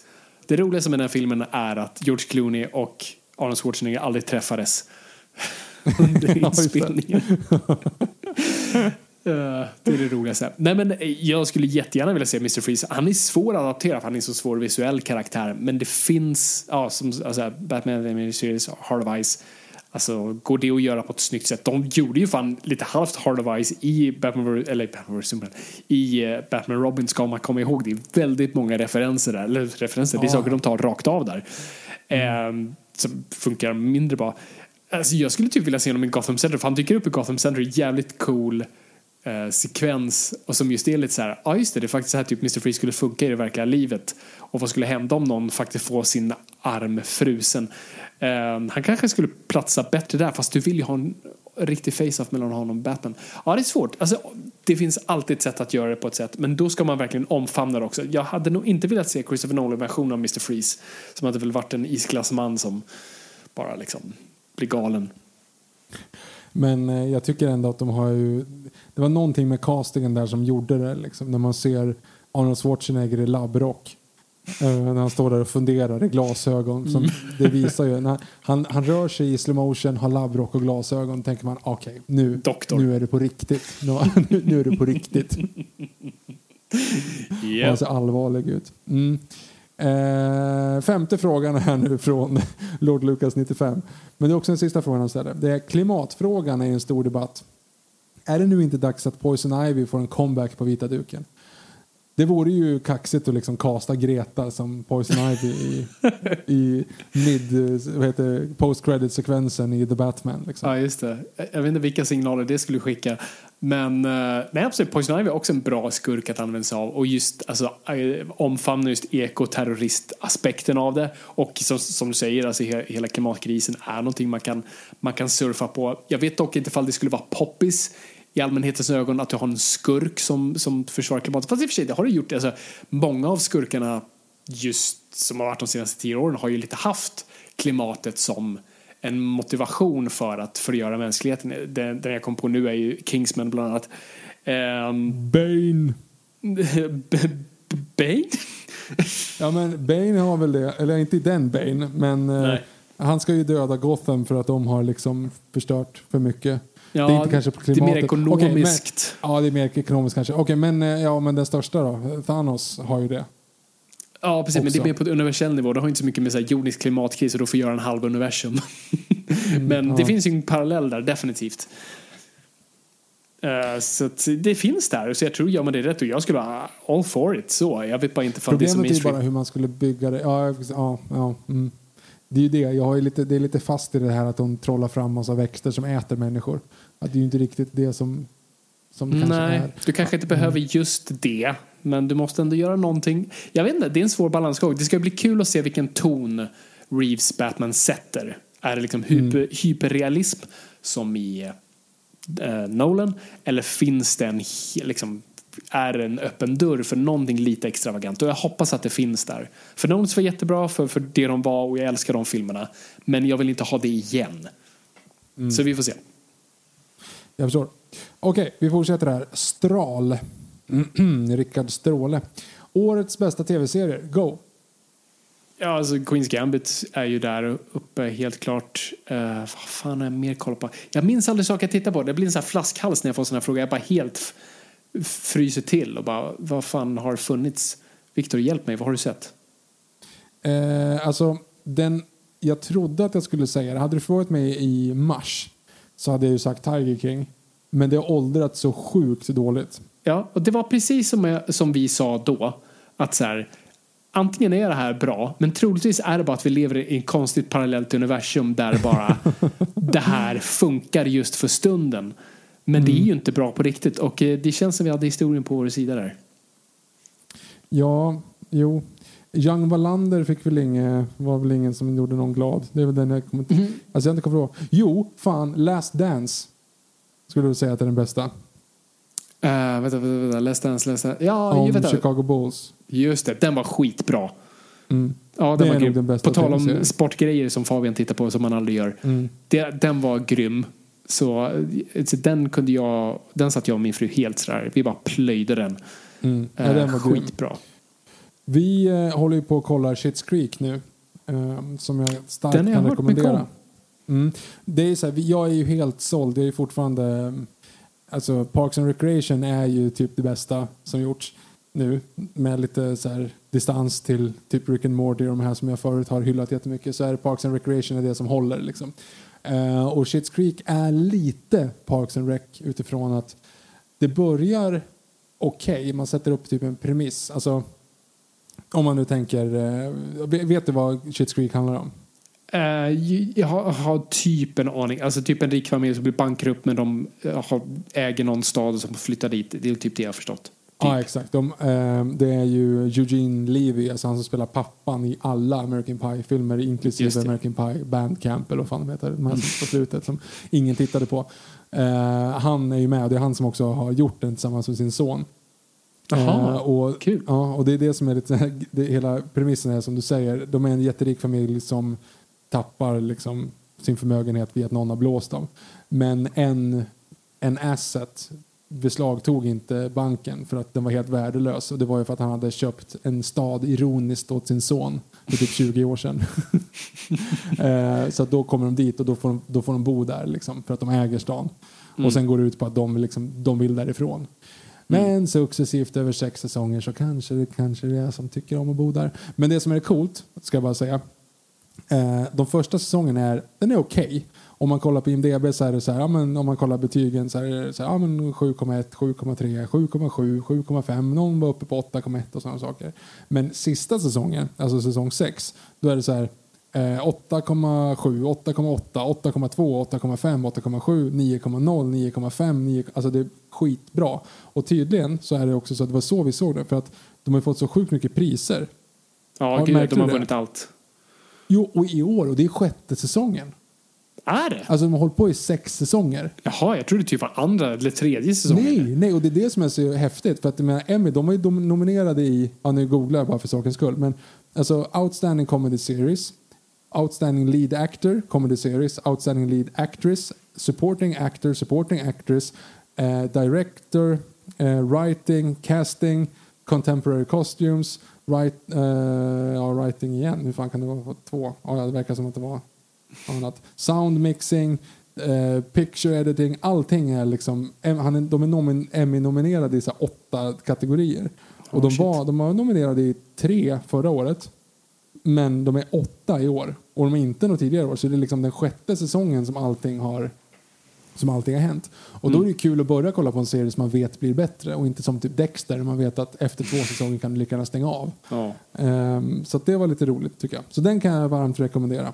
Ja, jag kom på ett par till här. Så The Undoing som alla pratar om, den tycker jag faktiskt var väldigt bra. Uh, jag var lite skeptisk till saker på det hype-tåget, men det är faktiskt väldigt bra och väldigt smart konstruerat. Och jag var väldigt kaxig i början och sen bara ah. Uh, så det är kul. Uh, och det är sen, den med Hugh Grant och Hugh Grant. Ja, just det. Ja. Mm. Den tror jag, den, den, kan du och din fru titta på. Det är en sån här bra, just det, ni har inte HBO. Nej, Eller har jag har allt annat förutom HBO. Förutom HBO, ah, okay. Vi kanske ska byta lite streamingkanaler du och jag. Vi borde ha någon... Jag har precis skaffat um, Disney Plus nu så att nu, nu, nu har jag allt förutom HBO så att jag känner mm. att jag ska, behöver inte köpa fler grejer. Nej, jag förstår. Eh, mm. nej, men jag tipsa en till HBO-grej då. Eh, och det är I'll be gone in the dark eh, som, var, som är en sån här true crime-serie. Men som, eh, jag är ett stort fan av Per Oswald, stand-up-komikern och hans fru gick tragiskt bort eh, för några år sedan och hon skrev på en bok om The Golden State Killer som var en, ja, en, en känd okänd seriemördare som, som härjade under flera decennier i typ, ja, jag tror det är, det San Francisco, Kalifornien någonstans tror jag. Och eh, man följer, så det är parallellt vi får lära oss om den mördaren och den storyn men också eh, vad hette hon, Michelle eh, McNamara som då var författaren bakom och blev besatt av den här mördaren som typ ingen hade gjort någonting på. Så det, det är en fascinerande parallell story, väldigt tragisk på så vis. Alltså, ja, hon gick ju bort. Ehm, och eh, det är riktigt bra och gripande och emotionell på, på flera håll. Så att, eh, den, den skulle jag rekommendera. Det är väl de jag kan komma på, tror jag, som, som jag har sett i år som varit de här riktigt bra. Men som sagt, Queens Gambit är definitivt högst upp där. Och uh, har ni inte sett den så get on the hype. Jo, ännu en gång. Fan, det, det, jag ska verkligen ha kvar min HBO. Perry Mason uh, var, mm -hmm. den var bra. Alltså det, det med Eh, Perry Mason är en väldigt känd amerikansk liksom, litterär karaktär som har funnits i många olika gamla tv-serier. Han var väldigt känd eh, alltså för, för liksom 50 år sedan som, som en karaktär man oftast använder i tv-serier och sånt där.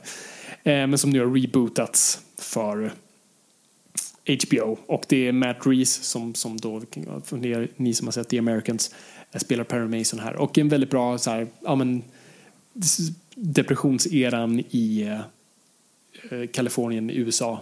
Eh, mysterie, crime. Eh, välgjord, stadig skulle jag säga. Och välgjord. Kanske inte det bästa du kommer se, men absolut bra. Och jag, jag kommer definitivt vara på nästa säsong. Så, det var nog om tv-serier.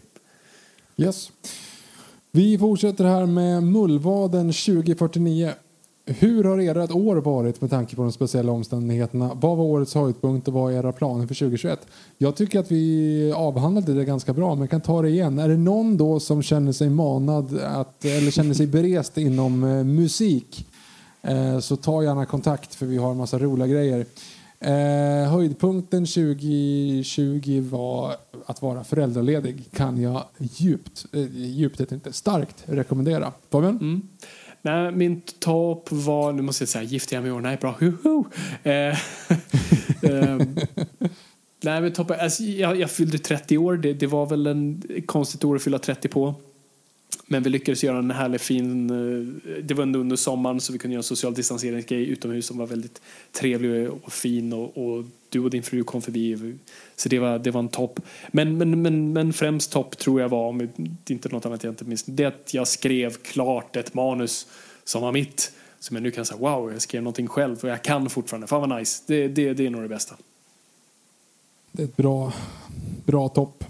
Eh, han fortsätter där sen, eh, för jag antar att det är en han. Det står bara Mullvaden 2049. Jag ska inte anta. Hen skriver sen.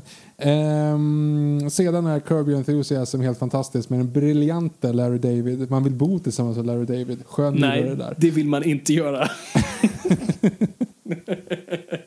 det, är, det är som de här, det är som folk som säger att så här, jag älskar, som Alan Moore sa när, när han signerade så här Watchmen-tidningar eh, och de som, som sa, ah men Rorschach är min Alltså jag älskar Rorschach, favorit. Jag kan så relatera till honom. Och han bara, jag backade i stort sett bara, du är sjuk i huvudet.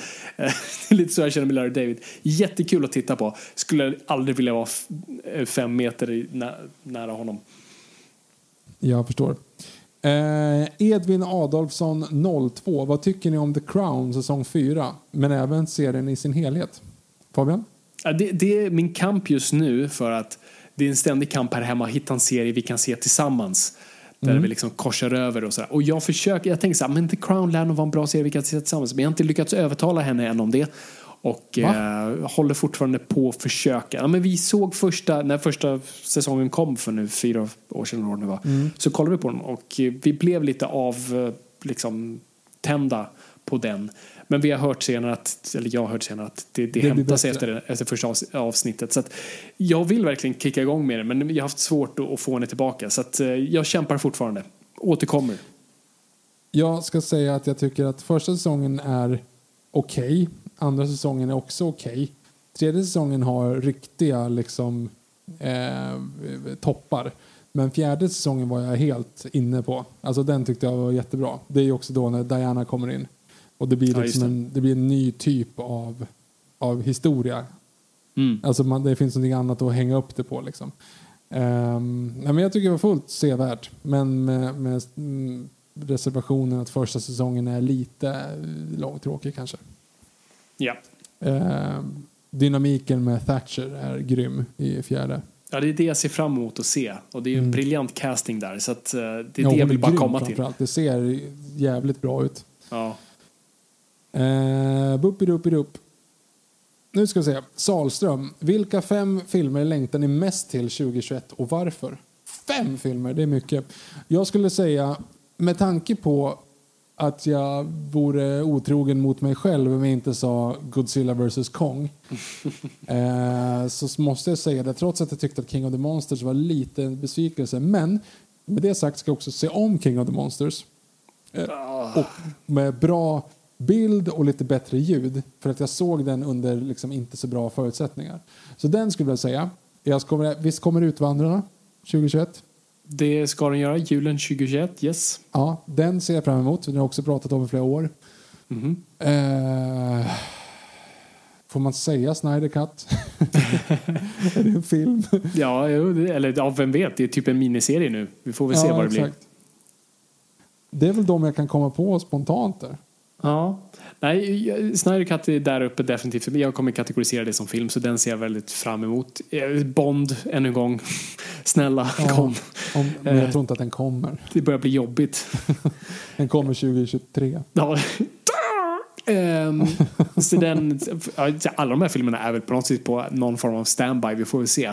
Nej, men June, om den nu kommer, eh, och då ska jag se den på bio om det går. Ehm, den ser jag nog verkligen mycket fram emot. Jag var inte så taggad på det från början med den jävla trailern alltså. Och jag hoppas, det är sådana slags blockbuster jag hoppas vi ser mer av. Som har lite mer tanke och, och en IP som är lite mer respekterad. Så det, det ser jag definitivt fram emot. Jag ser fram emot The King's Man.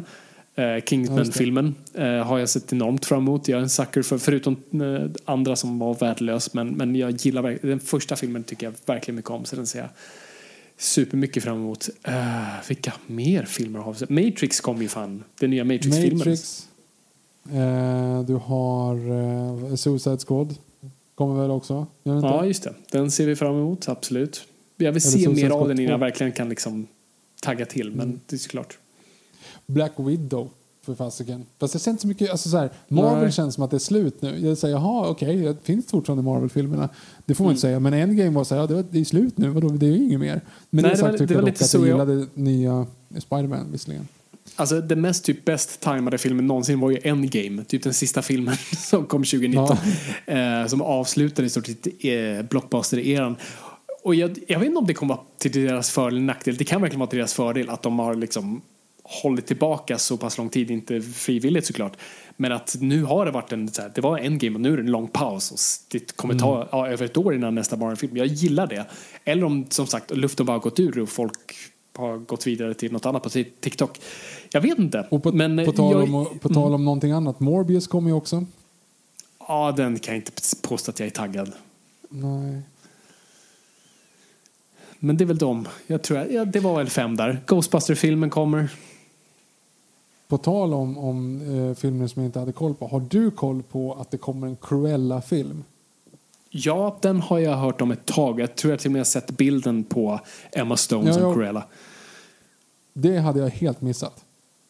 Ja, den, den, ja, det, den, det har inte stått mycket om den. Och jag är inte helt säker, men jag har för mig att det kan vara en, att det blir en sån Disney Plus originalgrej. Men jag är inte säker. Men alltså, men okej, men walk me through this. Det är ju ett jätteenkelt sätt att hitta hur man ska göra, varför har gjort det här. Jo men Maleficent. Ja. Maleficent blev, blev liksom bra. Vi tar en Disney-skurk, vilken är de mest karismatiska? Ja, Cruella de Vil. Men Maleficent gick ju ut på att man skrev om storyn. Så att det inte var att hon var ju typ inte riktigt skurk för att hon gjorde det av kärlek. Vet? Mm. Hon gjorde den här grejen för att skydda eh, Törnrosa. Men hur skriver de så att Cruella de Vil vill flå hundar för någonting gott? Hon vill slå ihjäl hundvalpar.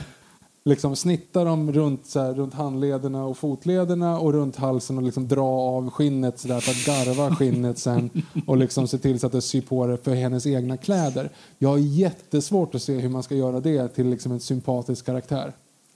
Eh, Jag hade inte ens tänkt på det, för jag, jag tänkte precis säga emot det bara så här, och sen, ah, ah, ah, okej, du har rätt. Nej, men det, det, det, jag, det jag hoppades på med hela Disney Remake-eran av deras, och det har vi pratat om, men att jag hoppades mer på Maleficent-hållet av att säga, ah, ja, vi tar de här kända IP-erna och sagorna, men vi tittar på ett nytt på ett nytt perspektiv. Men istället blev det Skönheten och odjuret och Lion King där vi blev så här, "Ah, jag vill inte ha det här, ingen vill ha, eh, nej. Jag vill istället se liksom, kan vi inte se filmer från ja, men Scars, jag menar inte bara man ska göra skurkarna, men, men se det från ett annat perspektiv, se det liksom bakom allt annat och, se, och göra en helt ny story kring det. Det tyckte jag de gjorde väldigt bra med den första Maleficent-filmen. Men det känns som att de vandrar ifrån det, så det är väl det jag hoppas med Cruella, men tills då det du sa så bara, ah just det. så det ska vi ska göra en Disney-familjefilm kring den här karaktären. Uh, vem vet? De har ju uppenbart gjort det så att, och ja, nej, vi får se. Nej, och sen så det, man vill ju ändå på något sätt, jag är egentligen inte intresserad av filmen, men man vill ju se Tom Cruise flyga på riktigt. Ja, just det. Top Gun. Ja, faktiskt. Jo, men det är... Ja, alltså, shit. Ja, alltså jag hade ju aldrig varit taggad på en Top Gun-uppföljare. Men efter jag såg den trailern bara, snubben fucking flyger på riktigt och man ser mm. G-krafterna slå honom i nyllet. Ja, take my money. ja, exakt. Ja, nej, det är väl de, antar jag. det var rätt många vi rabblade upp där. Men det var ja. Eh, Rymdmonster 2000. Hej, om ni sett nya Mulan, vad tyckte ni? Inte sett. Nej, inte jag heller. Du kan ju se den nu, Viktor. Du kan till och med se den utan kostnad. Utan extra kostnad? Jag kan, extra kostnad. jag får betala för. Uh, yes, vi, vi har inte sett den så vi fortsätter där. Marcus Lundqvist. Det görs så förbannat många remakes, spin-offs, uppföljare, prequels och allt vad det heter. Hur många, hur många originella filmer görs ett vanligt år egentligen? Är ni mätta på alla universum? Ja, alltså det, det, har vi ju pratat om och jag tror ju att alltså, originalstories har vandrat över till tv-skärmarna. Och det är därför de bästa storiesna berättas där. Men eh, jag, som vi pratade om när vi pratade just om, om hela HBO Max-grejen att min förhoppning är att vi ska se mer originella, mindre stories komma tillbaka till, till bion. Och att eh, när det, hela den branschen bygger sig upp igen, att det blir mer med de här mindre, smalare filmerna. Att vi ser lite som New Hollywood-eran eh, komma igen. Det, det, är min förhoppning. Men, men som sagt, alltså jag tycker ändå så här. Det är inte brist på content och vi får det i tv. Det, jag är jätteglad för det. Um, men såklart, jag vill sätta mig i en biosal och se sånt också, självklart. Men det är ingen brist på dem. Nej, men så här, jag, jag, om jag förstod dig rätt så var det att du, att du trodde att det skulle göras mer filmer som är mittemellan budget? Eller menar du att det är fler av dem som går på bio?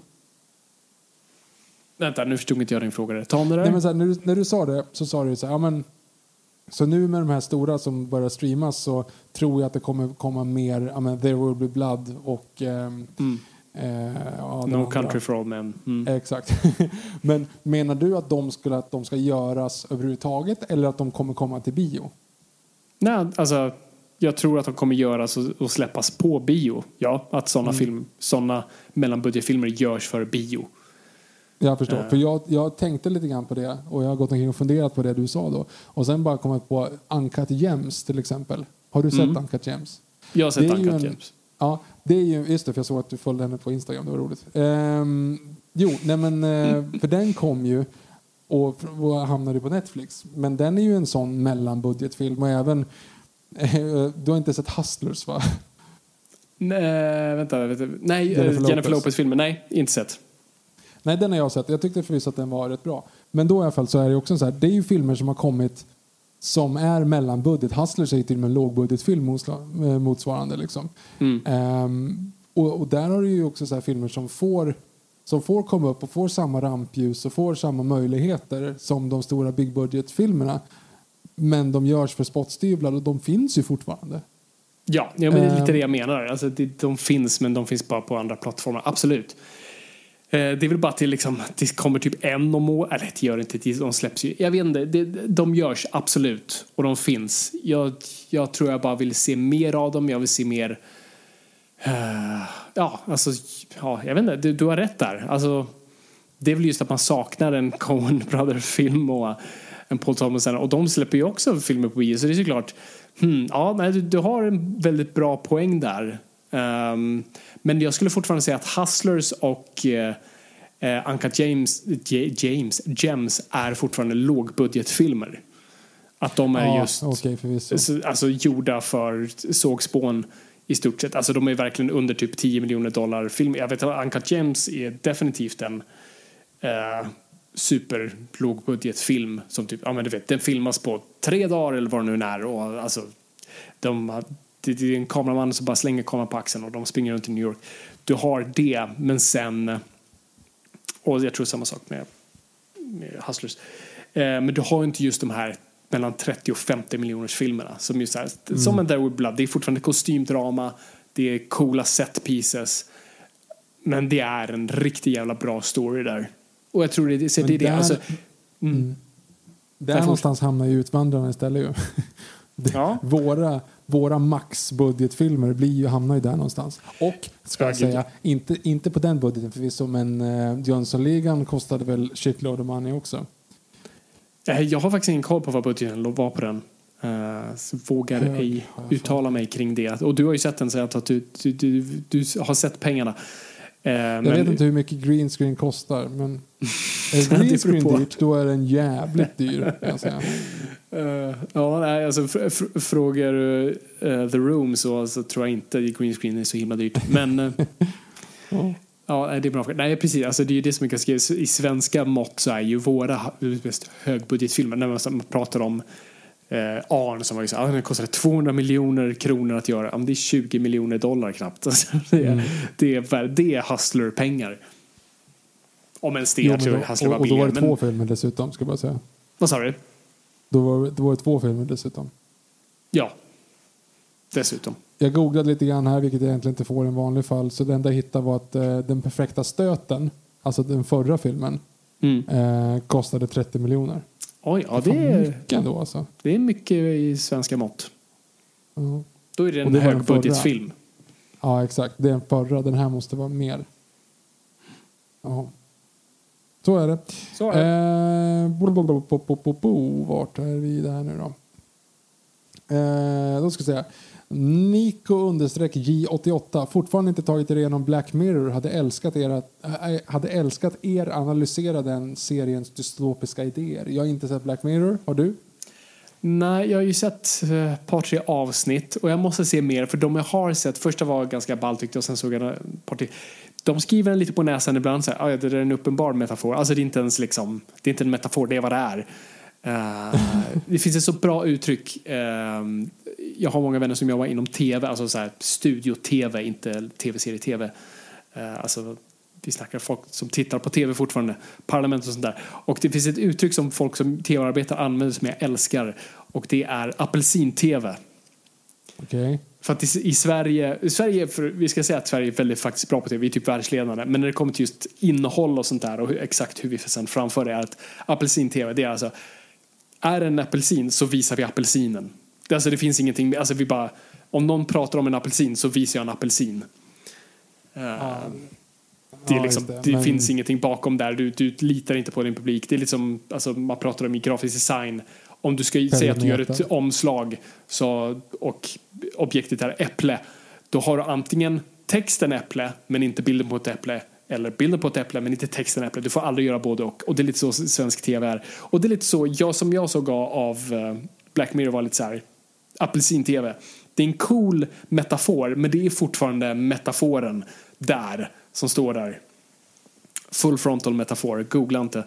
Men ehm, det är det. Men eh, jag, jag uttalar mig om många saker jag inte har sett idag. Så att jag ska kolla på det mer. Men jag blev lite avtänd av att så här, alltså det är bra, det är välgjort men, men det var det där.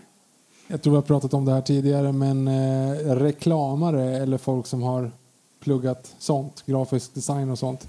Eh, de, deras version av apelsin-tv är ju Pelle metar. Det vill säga en bild på en pojke som sitter och metar och har en keps står det. Pelle på och bildtexten är Pelle metar.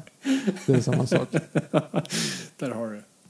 Mm. Eller journalister har också den antar jag. Eh, Boopidoopidoop. Börjar i Göteborg. Jag har skrivit mer grejer här. Oh, Slänger in en fråga till faktiskt bara för att jag äntligen har tajmat in er frågestund. Ja, det är bra. Var till har ni de bästa burgarna i Stockholm? Jag kan i alla fall visa er Göteborg vad Göteborg har att erbjuda nästa gång ni är i den här, pandemi, i den här stan i pandemifria tider. Ehm, ja, det är Shit. så här. fan vad schysst. Det där kommer jag, I'll pick you up Jag on kommer, that. jag kommer nyttja den inbjudan. Precis. Ehm, jag är ju svag för hashtag inte sponsrad Phil's Burgers.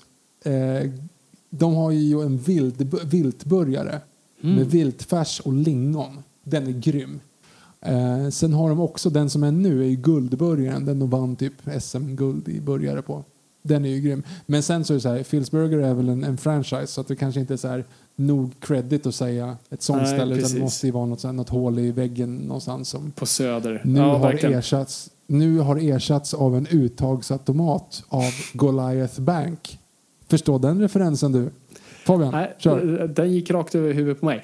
Men eh, jag känner mig lite skämmig här. För jag bor i Stockholm. Det finns säkert massa coola grejer på Söder som, som jag har missat. Jag har miss, missat det här mackstället. Det måste jag, Sandhäxan tror jag det heter. Hashtag not sponsored. Jag älskar mackor. Det måste jag testa.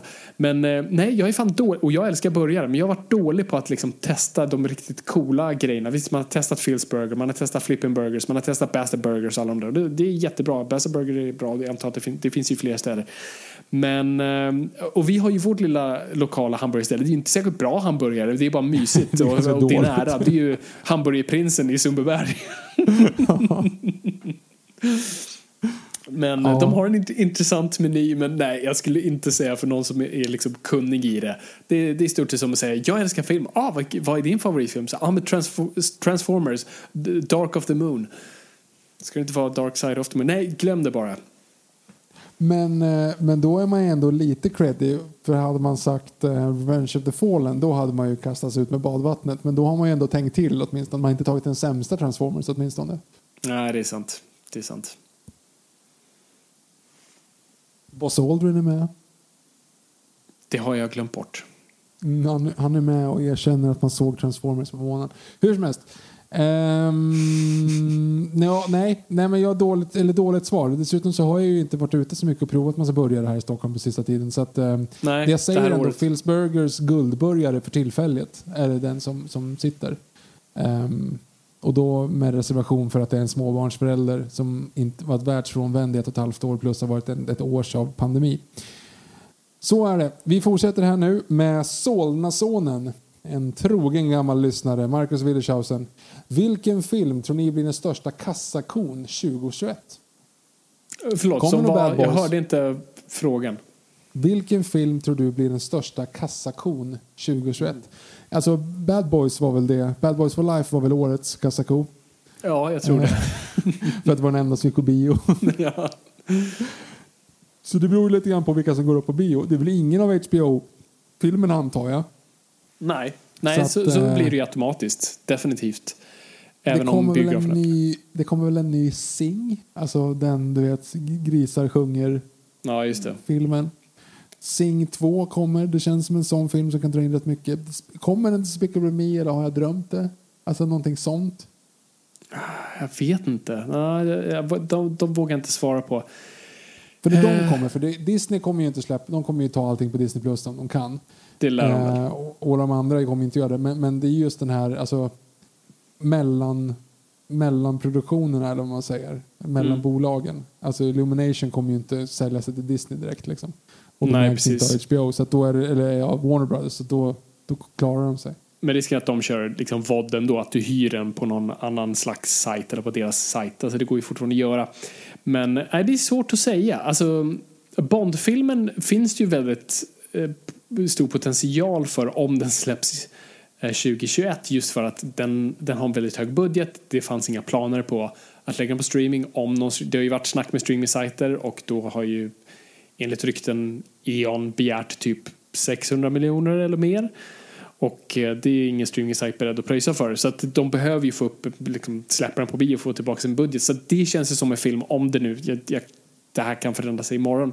Men om de verkligen liksom har hälarna i marken så kan det ju faktiskt bli det mest inkomstbringande. För de kör exklusivt på bio och kör lite mer Tenet-modellen fast senare då under, under året. Så den skulle jag Space tippa Jam. om Disney, om Disney faktiskt släpper Black Widow och vill verkligen få tillbaka sina pengar på den så, så kan ha den någon stor potential. Eh, det, det är väl vänta, de jag kan det tänka på. mig. Fast and the Furious 9 kom ju. Ja, just det. Ja, ja Så om den släpps klart. på än en gång så, så definitivt. Ja. Ja, det Det beror på vad kassakon klassas som.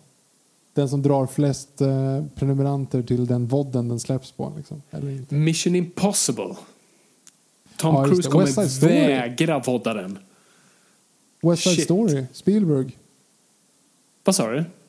West Side Story kommer väl? Eller är det nästa år? Spielberg? Eh, ja, den vet jag inte. Den tror jag skulle ha kommit nästa år. Vi får väl se. Jag tror de säkert avvaktar lite med den. Men den är en HBO, den är en Warner Brothers så den tror jag släpps på VOD. Jaha. Eller vad det är? Nej, Okej. jag mixar ihop det med In the Heights förresten, som är den andra. eh, musikalen. Eh, så glömde jag. Men jag tror fan Mission Impossible, det blir spionfilmernas år. För att Tom Cruise kommer vägra släppa den på vod. Då kommer han bara, nope, då väntar vi till år. Jag skiter fullständigt i vad ni säger. Men följdfrågan är ju om det är på bio som kassakorna blir. Alltså kommer det vara så pass mycket folk som går på bio så att det, det är det som gör kassakorna? Nej, absolut. Så, så kan det ju vara. Men någon kommer dra in mest pengar och jag tror det är de, de vi nämnde. Mm. Ja, det är inte Venom 2 i alla fall. um, David Alehed. Vi fortsätter här. Eh, vad tyckte ni om Se upp för Jönssonligan? Jaha, okej. Ja, vi tar den här sen. Jag fortsätter att komma ihåg det här. Vi har nu tre frågor som ska läsas upp där. Och så går vi över till Aron Fylla Slanten. Tjena, hoppas att allt är bra med er. Vilka är er bästa film respektive vilka är er bästa film respektive film des, aha, okay, respektive serie kanske han menar detta år? Själv hade jag bara har jag bara sett om The Office och Bondfilmerna så behövde lite tips på nya grejer. Ha ett fint nytt år och må era förverkerier flyga i rätt riktning och er bollinger vara välkyld på nyårsafton. Åh, det var fint sagt. Mm -hmm. Detsamma till alla er. Ja, Shit's Creek skulle jag säga om ni liksom vill se någonting som är positivt. Det jag är lite rädd för när jag berättar om både Shit's Creek och eh, Parks and Recreation för dig Fabian, det är för att du kommer lägga dem i facket av eh, Shawshank Redemption-serier. Ah. Alltså, de går ut på att du ska vara feel good på ett sätt som gör att det aldrig... Alltså, vi har kollat om Friends för något år sedan. Men då mm. var det så här, det är ju lite jobbigt att titta på Friends för att man vet ju att we were on a break och de kommer mm. att vara så här, will they, won't they, han ska säga fel namn på bröllopet och det blir liksom, de blir sura på varandra och Chandler ska låtsas vara ledsen så hon ska gå och vara, ligga med han från eh, Cannonball Run. Alltså det är ju jättemycket sådana saker som händer hela tiden så man sitter så här och tycker att det är lite jobbigt att kolla Friends för att det, det, liksom, det är pinigt och det är liksom missförstånd och det är liksom folk är elaka mot varandra och, missnöjda på varandra. Men det, så är det aldrig i varken Schitt's Creek eller Parks and Recreation utan alla mår bara bra hela tiden. Allting är bara bra. Förutom Allting Ron. känns positivt. Ja men han, jo men det är ju, han är ju all, han är, jo, han är bra. Han mår bra också. Okay. Det är kul. Ja, nej, men jag, försöker, jag, jag köper vad du säger och det, det, det är ju sådana grejer som jag, jag kan ha just lite svårt för. Jag, jag gillade Parks and Rec men just fastnade aldrig. Jag gillade att titta på det som en bakgrundsgrej och jag är ett stort Ron Swanson-fan. Men, men just jag tror lite av det där bristen på mörker eh, liksom det, det, det, då, då sätter det sig inte. Och just när det mörkret sipprar igenom som i Parks and Rec, eh, alltså då är det ju helt fantastiskt. Alltså jag älskar ju väggmålningarna de har på ja, liksom, kontoret på liksom, den otroligt hemska historien den staden har haft med urbefolkningen. Det är ju hysteriskt roligt just för att där blir det så mörkt men så löjligt samtidigt.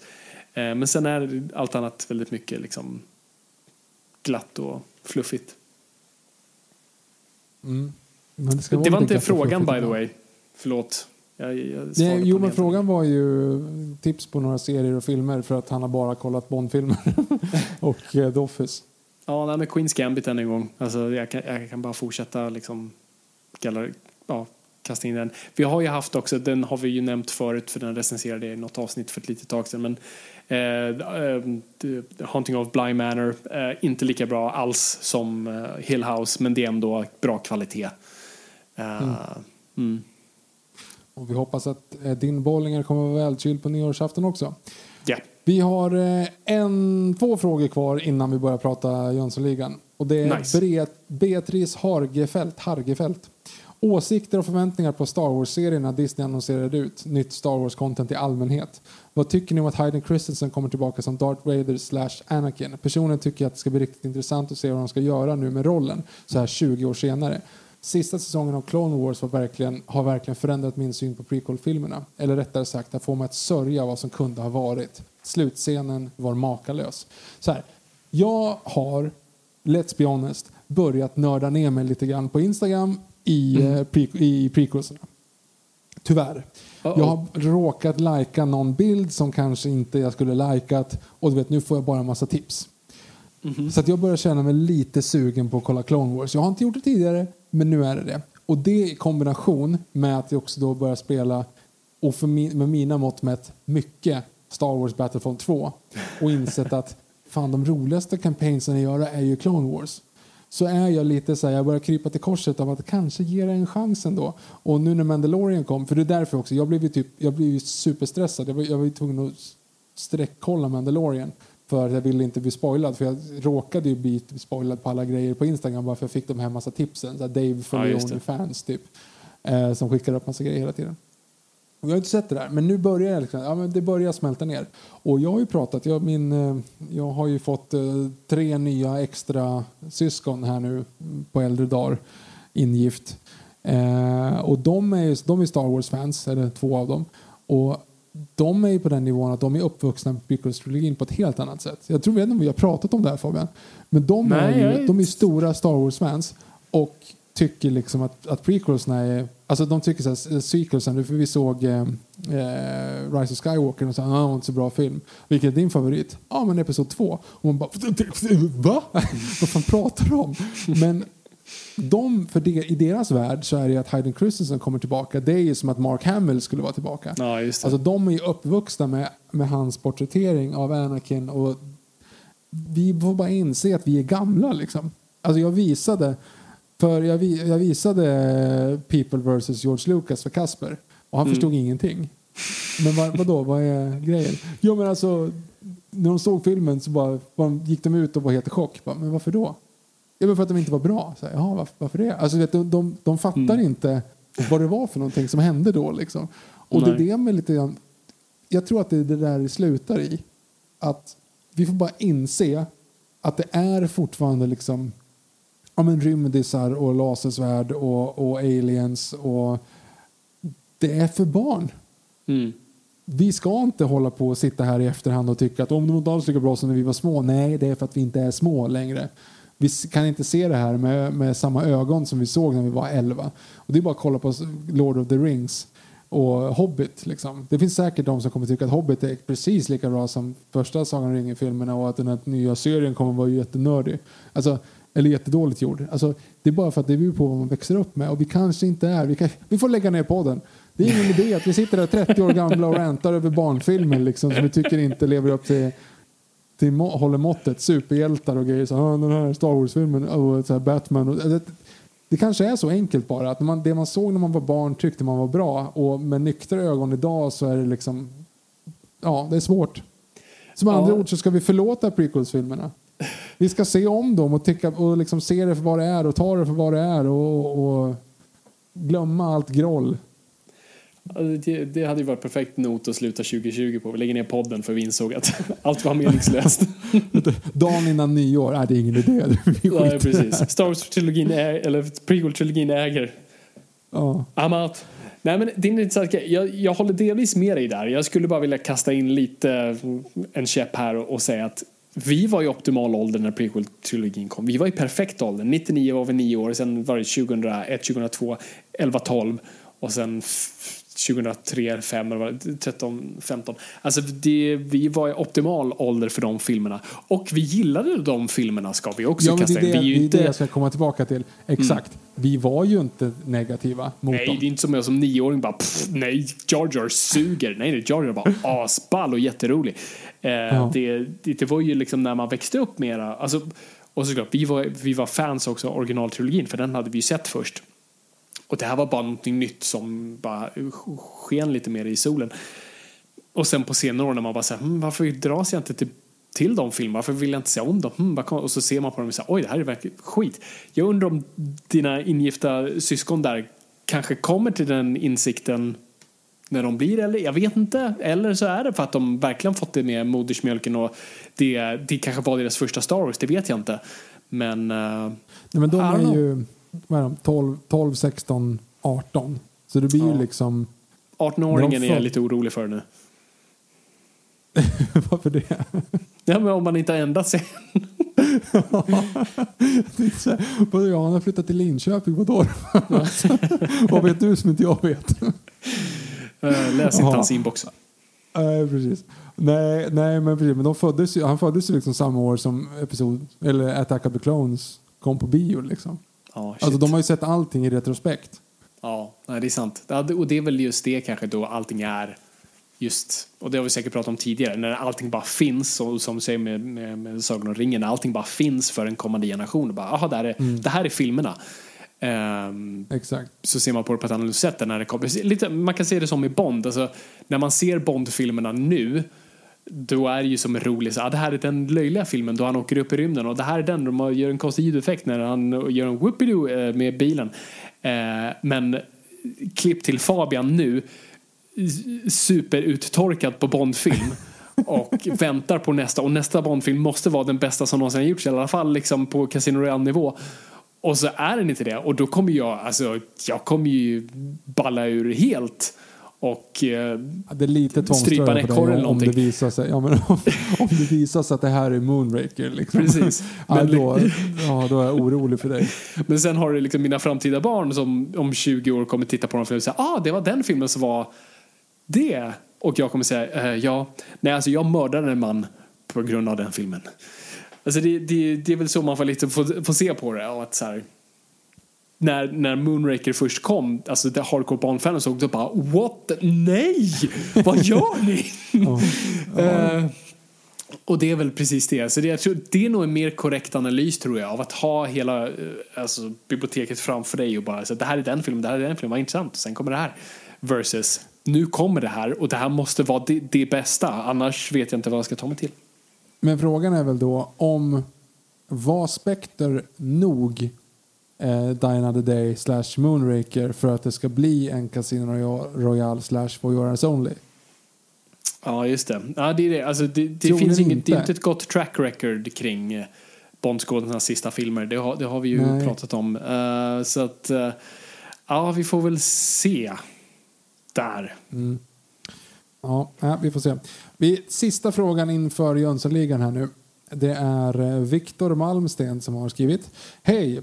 Hörde i något tidigare avsnitt att Fabian spelat Arkham-spelen och skulle gärna höra lite mer tankar om dem. Är personligen också ett stort Ba- Batman-fan och anser att det antagligen är den bästa versionen av Batman som någonsin gjorts. Tack för sällskapet under året. Tack, Ja, tack. själv. Tack För själv. att vi fick vara med dig. Ja. Fabian, Arkham. Nej men Arkham-spelen, no, jag inte tillbaka saker jag inte tagit del av. Jag har inte spelat Arkham Knight så att kommer inte ha någon åsikt kring det. Men, men alltså var Arkham-spelen, de två första främst då, trean var helt okej. De var ju skrivna av Paul Dini framförallt. Och eh, det som var så coolt med de spelen, det var som att det kändes så här, aha det här är typ när Batman The Animated Series slutade så är det här typ tio år senare. Alla är lite äldre. För det var även karaktär, man ser på dem att den är typ äldre. Och det, det var nästan som en fortsättning på det universumet på något weird sätt. Och eh, det var som att ha vuxit upp med det och sen landa i det igen och få ta del av det. Det var som fin belöning för oss fans. Eh, och med en väldigt bra story skriven av då Paul Dini som vi sa. Som kändes, den ref, det refererade till, till mm, saker som har varit, eh, som har funnits i serietidningarna eh, och i filmerna. Men det var ändå någonting nytt. Och det var en ny fräsch story eh, som var intresserad av karaktär. Och det är det som var det bästa med, med de spelen. Det var skitcoolt att vara Batman och få göra de där grejerna. Och det var verkligen en av de största nöjena med det. Så här, Shit, jag får vara Batman. Och det är typ så här jag vill att det ska kännas. Men i grund och botten, det hade varit kul i fem minuter om det inte hade varit för hur bra storyn var. Och hur man verkligen ville veta hur det skulle sluta och vart det var på väg. Och få reda på mer saker. Så nej, de, de, alltså, det, det, är, det är verkligen på Mount Rushmore av, av tv-spel för mig. Eh, Inte bara som ett Batman-fan men som ett story-fan. Och nej, jag, jag, jag vill fan spela om dem nu när jag pratar om det. Jag fick ju eh, medföljande Arkham Knight ju. När jag, Just jag, det. pre- jag kör ju någon webbversion där på mitt Playstation. Och jag spelar lite grann men, jag fastnade faktiskt inte riktigt för att det kändes inte så Batmanigt plus. Att jag varenda gång jag sätter mig framför Playstation vet jag så här okej nu har jag 45 minuter. Han kommer sova i typ 45 minuter. Jag måste nu tycka det här är svinkul annars stänger jag av. Typ annars gör jag något annat. Ehm, och det kände jag inte. Och då så gav jag det kanske inte ens en chans. Jag kanske körde två, tre gånger. Och man mycket så här, man åker omkring i Batmobilen som en stor tank liksom. Och det var, nej, nej, det var inte så intressant. Så jag sket i det. Ehm, och då har det blivit Battlefront 2 istället. Ja, nej, jag, jag, jag, förstår det utan att, att ha spelat det så jag vet inte. Det kanske var fel plats att komma in. eh, i, jag, vet, jag vet inte hur sammanlänkade de är. Ja, det, uppenbart är de i samma universum. Men, eh, och Kevin Conroy är Batman igen. Men eh, ja, jag vet inte. Eh, jag, jag ser jättemycket fram emot spelare och det kanske funkar bättre när man har spelat de andra. Du skulle, du skulle ha startat med, jag tror, Arkham City. Uh, för att verkligen få den optimalaste upplevelsen. Men jag förstår att tiden inte räcker till. Okej. Okay. Nu gör vi så här. Nu har vi svarat på alla era frågor. Eller förutom några som handlar om Jönssonligan. Och Därför tycker jag att har du inte sett Jönssonligan slash bryr dig om eh, hur den, vad, vad, man, vad som händer i den. Så stäng av här. Tack för att ni har lyssnat. Kul att ha lyssnat. Kom ihåg, kom ihåg att folk ingenting är för nördigt. Men eh, vill ni fortsätta eller har ni sett Jönssonligan, ni förstår vad jag menar. Fortsätt lyssna. Så här. Jag har ju nu fått frågor här från Adam Klingspor och eh, en ganska lång beskrivning från David Alehed. Ehm, Fabian, du som Mm. inte har sett den här filmen. Nej. Hur skulle du beskriva eh, karaktärerna i Jönssonligan?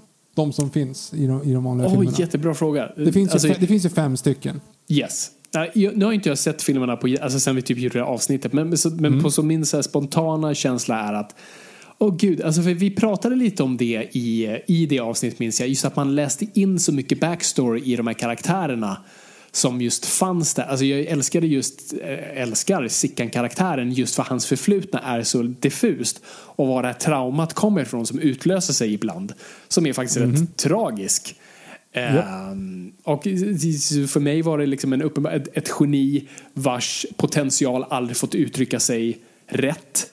Eh, där hans på något vis handikapp har varit till hans nackdel och aldrig då fått honom att blomma ut i, ett, i, ett, i riktig kontext där han verkligen hade kunnat varit ett geni. Utan han hamnar istället i en annan kontext där, där han absolut inte får blomma ut men där han verkligen vill och det är verkligen pärlor åt svin. Och han försöker vara den här intellektuella som röker de här cigarrerna, bär den här basken. Eh, men det är inför en tom publik av rötägg. och eh, han försöker bevisa för dem vem han egentligen är, men främst för sig själv. Eh, men han är sin största fiende i allt det här. Och det, jag tycker det är en väldigt tragisk story som Sickan har på så vis. Det finns en väldigt stor tragedi i den karaktären som, som jag verkligen går igång på. Som skulle vara jätteintressant att gräva mer i. Inte bara så här, hans origin. Vi har lilla Jönssonligan. De försökte göra lite med det i den med eh, Johan Ulveson. Men, eh, men, men jag hade jättegärna velat se mer det psykologiska av honom. Eh, Vanheden känns som en alltså nästan Hans Solo-karaktär. alltså, bryr sig främst om, eh, liksom, om sig själv. Eh, och också på något vis har en chip on his shoulder för han vill också, han vill typ inte vara kriminell. Som vi såg, nu kommer jag inte ihåg vilken film det är, men då han typ försöker go straight och jobba i sin flickväns farsas butik. Um, och han vill ju vara den här också lite mer, kanske, inte intellektuell, men han vill äh, framstå som rik och smart och eh, liksom förstå de fina sakerna här i livet. Och på något vis, fake it, fake it till you make it är han upp i dagen. Det är det enda han vill. Och, men det enda sättet var, han har inga riktiga talanger, han, har, han vet inte riktigt var han ska placera sina ambitioner. Så det var, brott var det där han hamnade för att det fanns ingenstans att få honom att gå för att nå den livsstandarden han var ute efter. Det är väl bedrägerier han är expert på egentligen ursprungligen va? I de första. Ja, det- det är väl något sånt med där. honom är väl att det är något sånt att han ska typ spela olika roller och Ja, liksom exakt. lyckas. Ja. Precis, Mm. en Ja, klassisk. Bra heist-karaktär. Ja, men sen har du Dynamit-Harry, eh, alltså också en extremt tragisk karaktär. Alltså eh, eh, en riktig alkis, en riktig sup till, till människa som, som på något vis, alltså det finns inte så mycket potential hos honom, tyvärr. Alltså, han är inte smart, han är inte, och den potentialen som eventuellt fanns söps bort. Och han bara, varför han finns där i programmet, han är ju kusin med Vanheden, eller hur? Det, det, det är ingenting jag Ja, minns fel. Ja. Och han har bara Nej, dragits exakt. med för att också lite av, där finns en välvilja från Vanhedens sida att hjälpa sin kusin på något som inte kan göra någonting annat än att han Men han har ju duktig. en USP, han kan ju detonera grejer. Han kan detonera grejer, så han har väl säkert liksom varit, jobbat i någon gruva någonstans eh, men söp bort det jobbet och fick inte komma tillbaka. Eh, men han har inget att bidra med och är bara glad att vara där på något sätt. Så det är väl, Ja, det är väl så jag skulle beskriva dem. Ja. Eh, sen, har du ju, sen har du ju två karaktärer till som är återkommande och det är Rocky och Rocky. Doris. Ja, precis. Ja, men Rocky Eh. skulle man väl säga, han är lite svår att definiera för han har inte varit med så mycket, men också en person Mm. på något vis som hamnat fel, vill bara göra väl, bryr sig jättemycket om sin fru. Eh, känns på något sätt han vill bara begå ett, brott, eller begå ett brott där ingen råkar illa ut så han bara får komma ut. Han vill bara komma därifrån. Eh, ja. Från det, den livsstilen. Och bara leva väl och, och, och förse sin fru med ett, ett normalt, eh, en normal levnadsstandard. Och Doris, ja. ja också svår där. Alltså, otroligt välvillig eh, person som på något vis alltså, ser det bästa i allt och alla och vill bara väl, särskilt för sin Harry. Och på något sätt skulle okay. aldrig bry sig om rikedomar eller något sånt. Hon njuter av det självklart. Och eh, alltså, skulle absolut inte tacka nej till att leva ett, ett lyxigt liv. Men, men det viktigaste är att hon har sin Harry och att de två bara får leva mm. tillsammans. Ja, fint. Okej, okay, jag skulle bara säga, det här är, jag, jag kommer på det här i huvudet samtidigt som du pratar nu så att du får ha överseende med att det kanske inte är helt knivskarpt. Mm. Jag kommer nu att placera fram tre karaktärer till dig.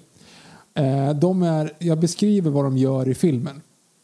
Okay. Det finns ju liksom fem att välja på, de här fem du har pratat om och vilka de är. Men jag kommer beskriva tre av dem. All right. Um, mm. Så karaktär ett uh, är, bor hemma hos sina föräldrar. Uh, väldigt så här, feg och tillbakadragen och vågar inte säga emot sin pappa. Uh, och hans pappa är en, eller han den pappan är då en, en väldigt så här, jag påminner lite grann om Emils pappa. Väldigt strikt och, och speciell och liksom tillåter inte den här karaktären att göra någonting. Uh, och, och en, en plottpunkt blir när den här karaktären då får chansen att komma med uh, och börja jobba med, uh, med pappan.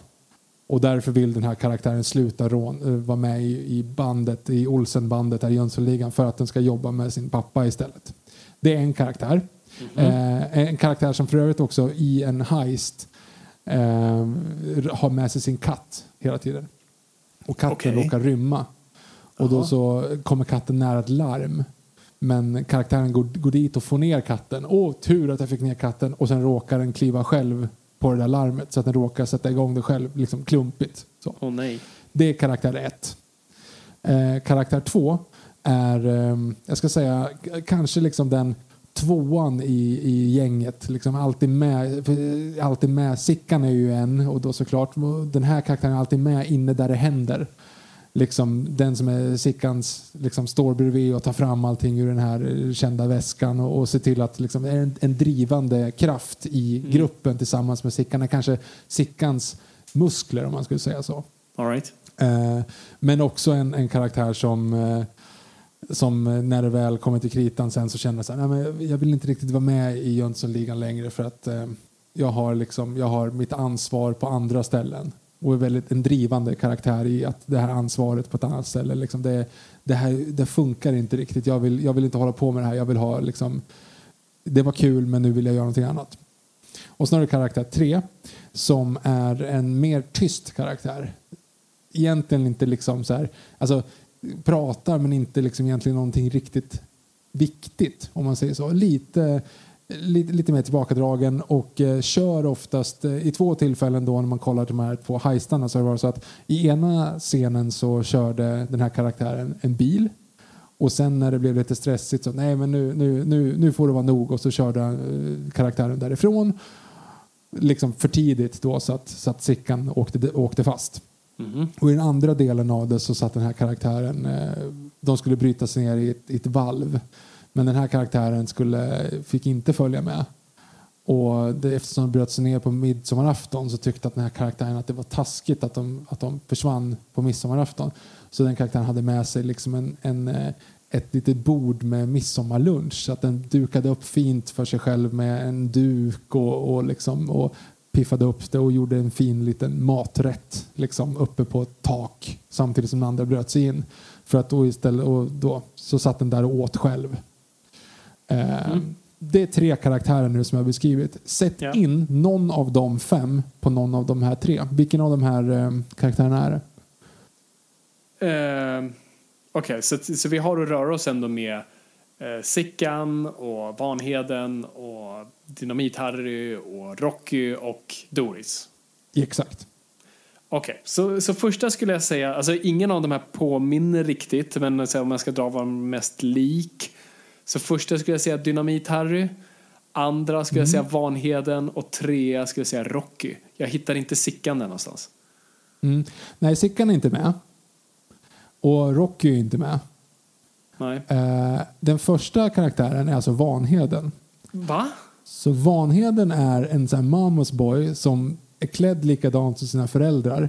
Nej. Som sitter hemma i sin lägenhet typ, Åh, med, och hans pappa har en videobutik som heter Vanhedens video.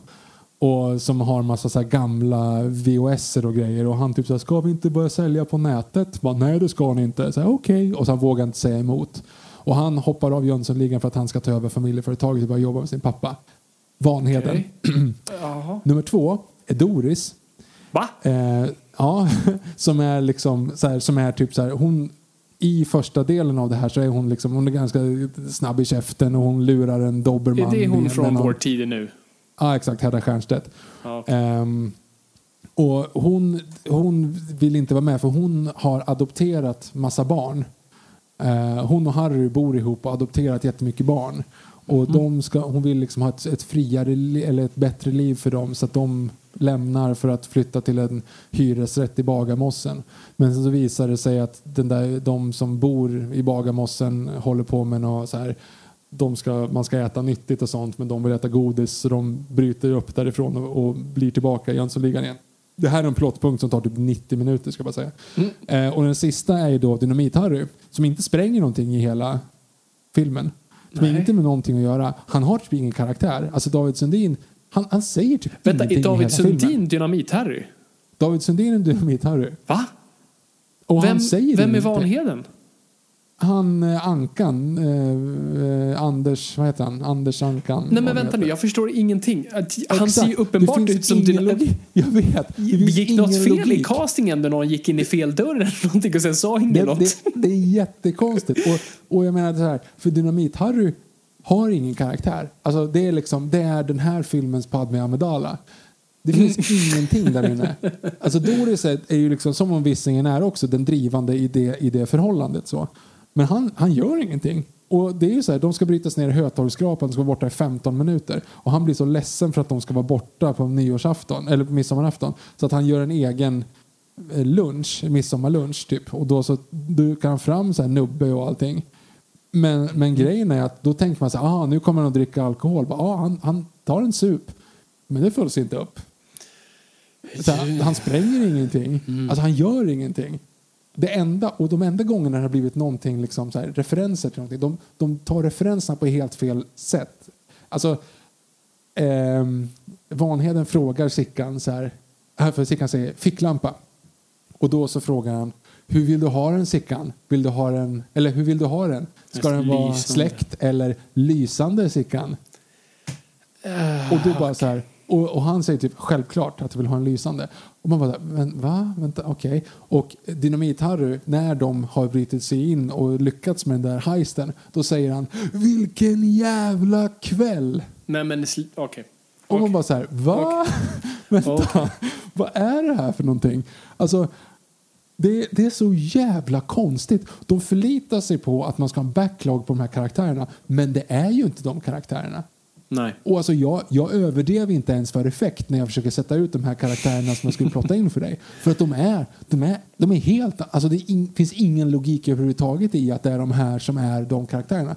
Alltså Henrik Dorsin gör ju Gösta Ekman. Typ. Ja, alltså det, är det samma ser ut karaktär. som Det är det. ingen, ja men det är, ingen, det, är, det är den karaktären där liksom. Och den, den funkar väl liksom minst att det inte är en cigarr och inte en basker men annars är det samma sak. Mm. Och den drivande är alltihop som har en plan och åker, alltså vet det där. Men, men de andra, alltså Dynamit-Harry, av någon jävla anledning, han, han sitter och är stressad, han ska köra flyktbilen därifrån. När de gör den här första heisten. Eh, och då, ska, då så hinner inte Sickan, Sickan ska hoppa ner liksom i något hål och landa i, eh, i bilen. Men Dynamit-Harry tänker, nej nu får det vara nog, nu, nu får det vara nog och åker därifrån. Så Sickan inte hinner dit. Men det finns liksom ingen logik. Är han nervös eller något? Alltså, där, vad, är, vad är grejen? Ja, han är lite stressad men sen efteråt så är det glömt. Så blir han utsläppt och så har ingen som följer upp det. Och som sagt, han spränger ingenting. Vanheden har man ingen aning om varför han ska vara där. den enda grejen han gör i den stora heisten sen är att han snor typ sin morsas rollator. Alltså det är väl liksom så här som används. Alltså det, det, är liksom, det, det har ingenting med någonting att göra. Alltså det är så jävla konstigt. Och, och det ska ju vara som, alltså det börjar med att de gör en, en heist, Sickan åker in och när han kommer ut så har alla valt att gå straight liksom. Alla ska gå eh, och bli lagliga. Ja, det, det Eh, låter som en ja, bra som det brukar utgångspunkt. vara. Ja, som det brukar vara. Men då så är det alltså, då här, det här händer en kvart in i filmen. Sen har du hela den här grejen då med Vanheden och hans farsa som är väldigt liksom snål och strikt. Som inte vill, och bakåtsträvare som inte vill att han ska börja sälja saker på internet. Så det blir en grej då att han ska försöka få Vanheden-video att fungera. Och sen har du då den här subplotten med eh, eh, Harry och, och Doris då som bor i den här lägenheten med massa barn som, i ett område som de typ inte trivs med för att alla är väldigt söder på söder. Liksom. Och de, för de har någon sån här bananfest. Det är bananfesten så alla kommer dit och ska vara utklädda till olika frukter. Och då så säger ja här ska ni få godis och då får de nötter. Och då blir Doris jättearg. Så, Nej men man kan inte barn, du kan inte säga att de får godis och så får de nötter. Här så går hon och hämtar massa godis och kastar ut massa godis. Och då så kommer någon så här söderhipster och säger det där är faktiskt socker i, det här är en sockerfri fest. Det är det som får liksom bägaren att tippa över så då börjar de stjäla istället igen. Då går de tillbaka till Sickan. Bara Okej. där, där du karaktärerna. Det är liksom karaktärsarket, vilket är liksom helt uppfackat. Sen, stay with me nu. Det finns ingen Wallenberg. Det finns en, en eh, karaktär som heter Regina Wall. Och sen finns det en karaktär som heter liksom Knut Enberg. De Nej, men- två jobbar ihop. Nej men sluta. Okej. Ja, men då, det finns ingen Wallenberg. Utan den här Enberg då, han är någon form av så Ingvar Kamprad-karaktär som sitter, som, är, som har ett jättestort företag. Och okej, f- häng med nu. Okay. Han har ett stort företag som typ tar över hela, hela Norden och tjänar jättemycket pengar för att han har nära kontakt med kungahuset. Så att han har jättebra, det går jättebra för honom i Sverige, Norge och Danmark för de har monarkier. Det går inte bra i Finland för att de har ju en president. Så plotten är att tydligen så precis innan Finland blev självständigt efter första världskriget så var det någon adelsman som ville bli Finlands kung men han blev nerröstad.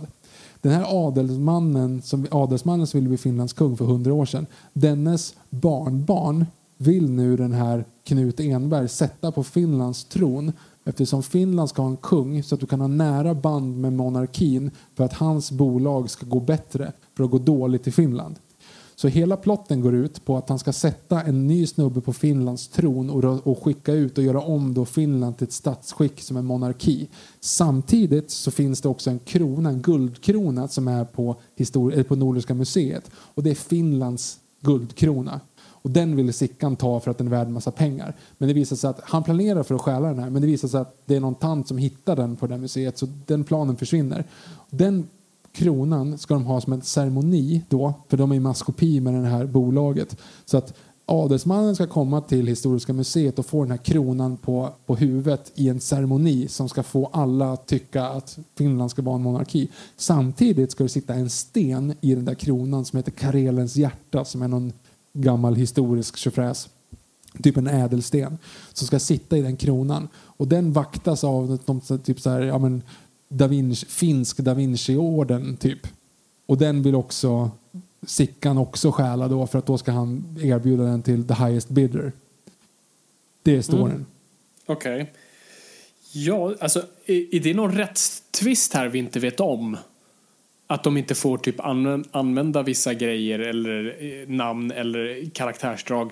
Alltså jag tänker på som nu med Hannibal-rättigheterna är ju uppdelade så, så, så det kommer ju komma en Clarice-serie nu. Och den får ju inte av rättsliga skäl ens nämna Hannibal. Eller ens, Okej. du får inte ens visa, du får inte visa bakhuvudet på honom, du får inte göra, Hannibal no-go zone.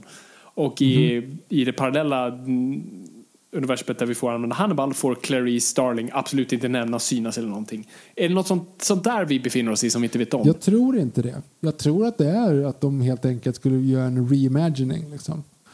Och där fattar inte jag. fattar att man gör den perfekta stöten. Jag fattar att man gör liksom, man hottar upp Jönssonligan och gör en Oceans Eleven av det. Som de gjorde med Alexander Karim och Torkel Pettersson och, Ja. och Simon J Berger och det här. För, och det var ju ändå en så här, okej, jag förstår vad ni gör nu. Ja, ni, tar ambition. tropesen, ni tar tropesen och så gör ni en ny film. Men Mhm. liksom i någon form av grundad Batman Begins-era. Men det här är ju, alltså framförallt så behandlar de oss som att vi ska känna de här karaktärerna. Men det finns ingenting i Vanheden som är Vanheden. Nej. Alltså Harry skulle väl kunna vara liksom, ja, men tio år senare när han har nyktrat till och blivit familjefarsa på, och tråkig liksom.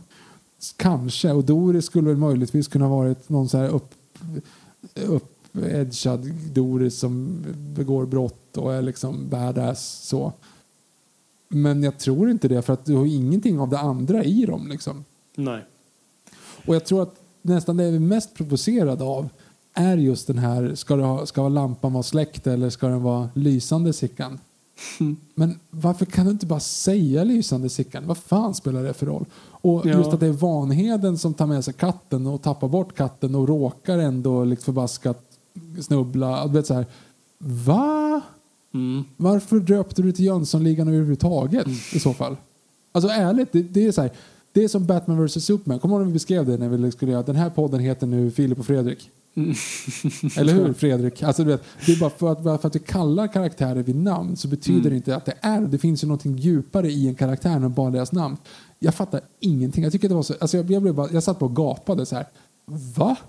Och sen var det, det var lite underhållande med det här, ehm, det är några små gangsters som heter Anita och Televinken som Lena Olin och eh, Reine Brynolfsson spelar. Det var ganska kul. Det var en ganska kul grej, 70-tals nickning liksom. Mm. Och det, det är borderline rasistiskt mot finnar ganska mycket. För att det är någon så här stor, stark tvåmetersfinne som har Karelens hjärta på sitt, eh, i ett, i ett eh, kassaskåp. Och enda gången han går ut ifrån rummet är på torsdagar klockan tre när det här eh, radioprogrammet spelar tango. För han ska alltid ut och dansa tango med någon på ålderdomshemmet och, och eh, fälla en dam i en tango och ta med henne till rummet. Så då har de tre minuters lucka. Det är Okej. typ så här, okej, ja, det, var, mm, okej, det var väl kanske lite underhållande men det är ju ganska rasistiskt också. så här, finnar, finnar bär, alla bär overaller och älskar tango. Det är typ det de gör. Liksom.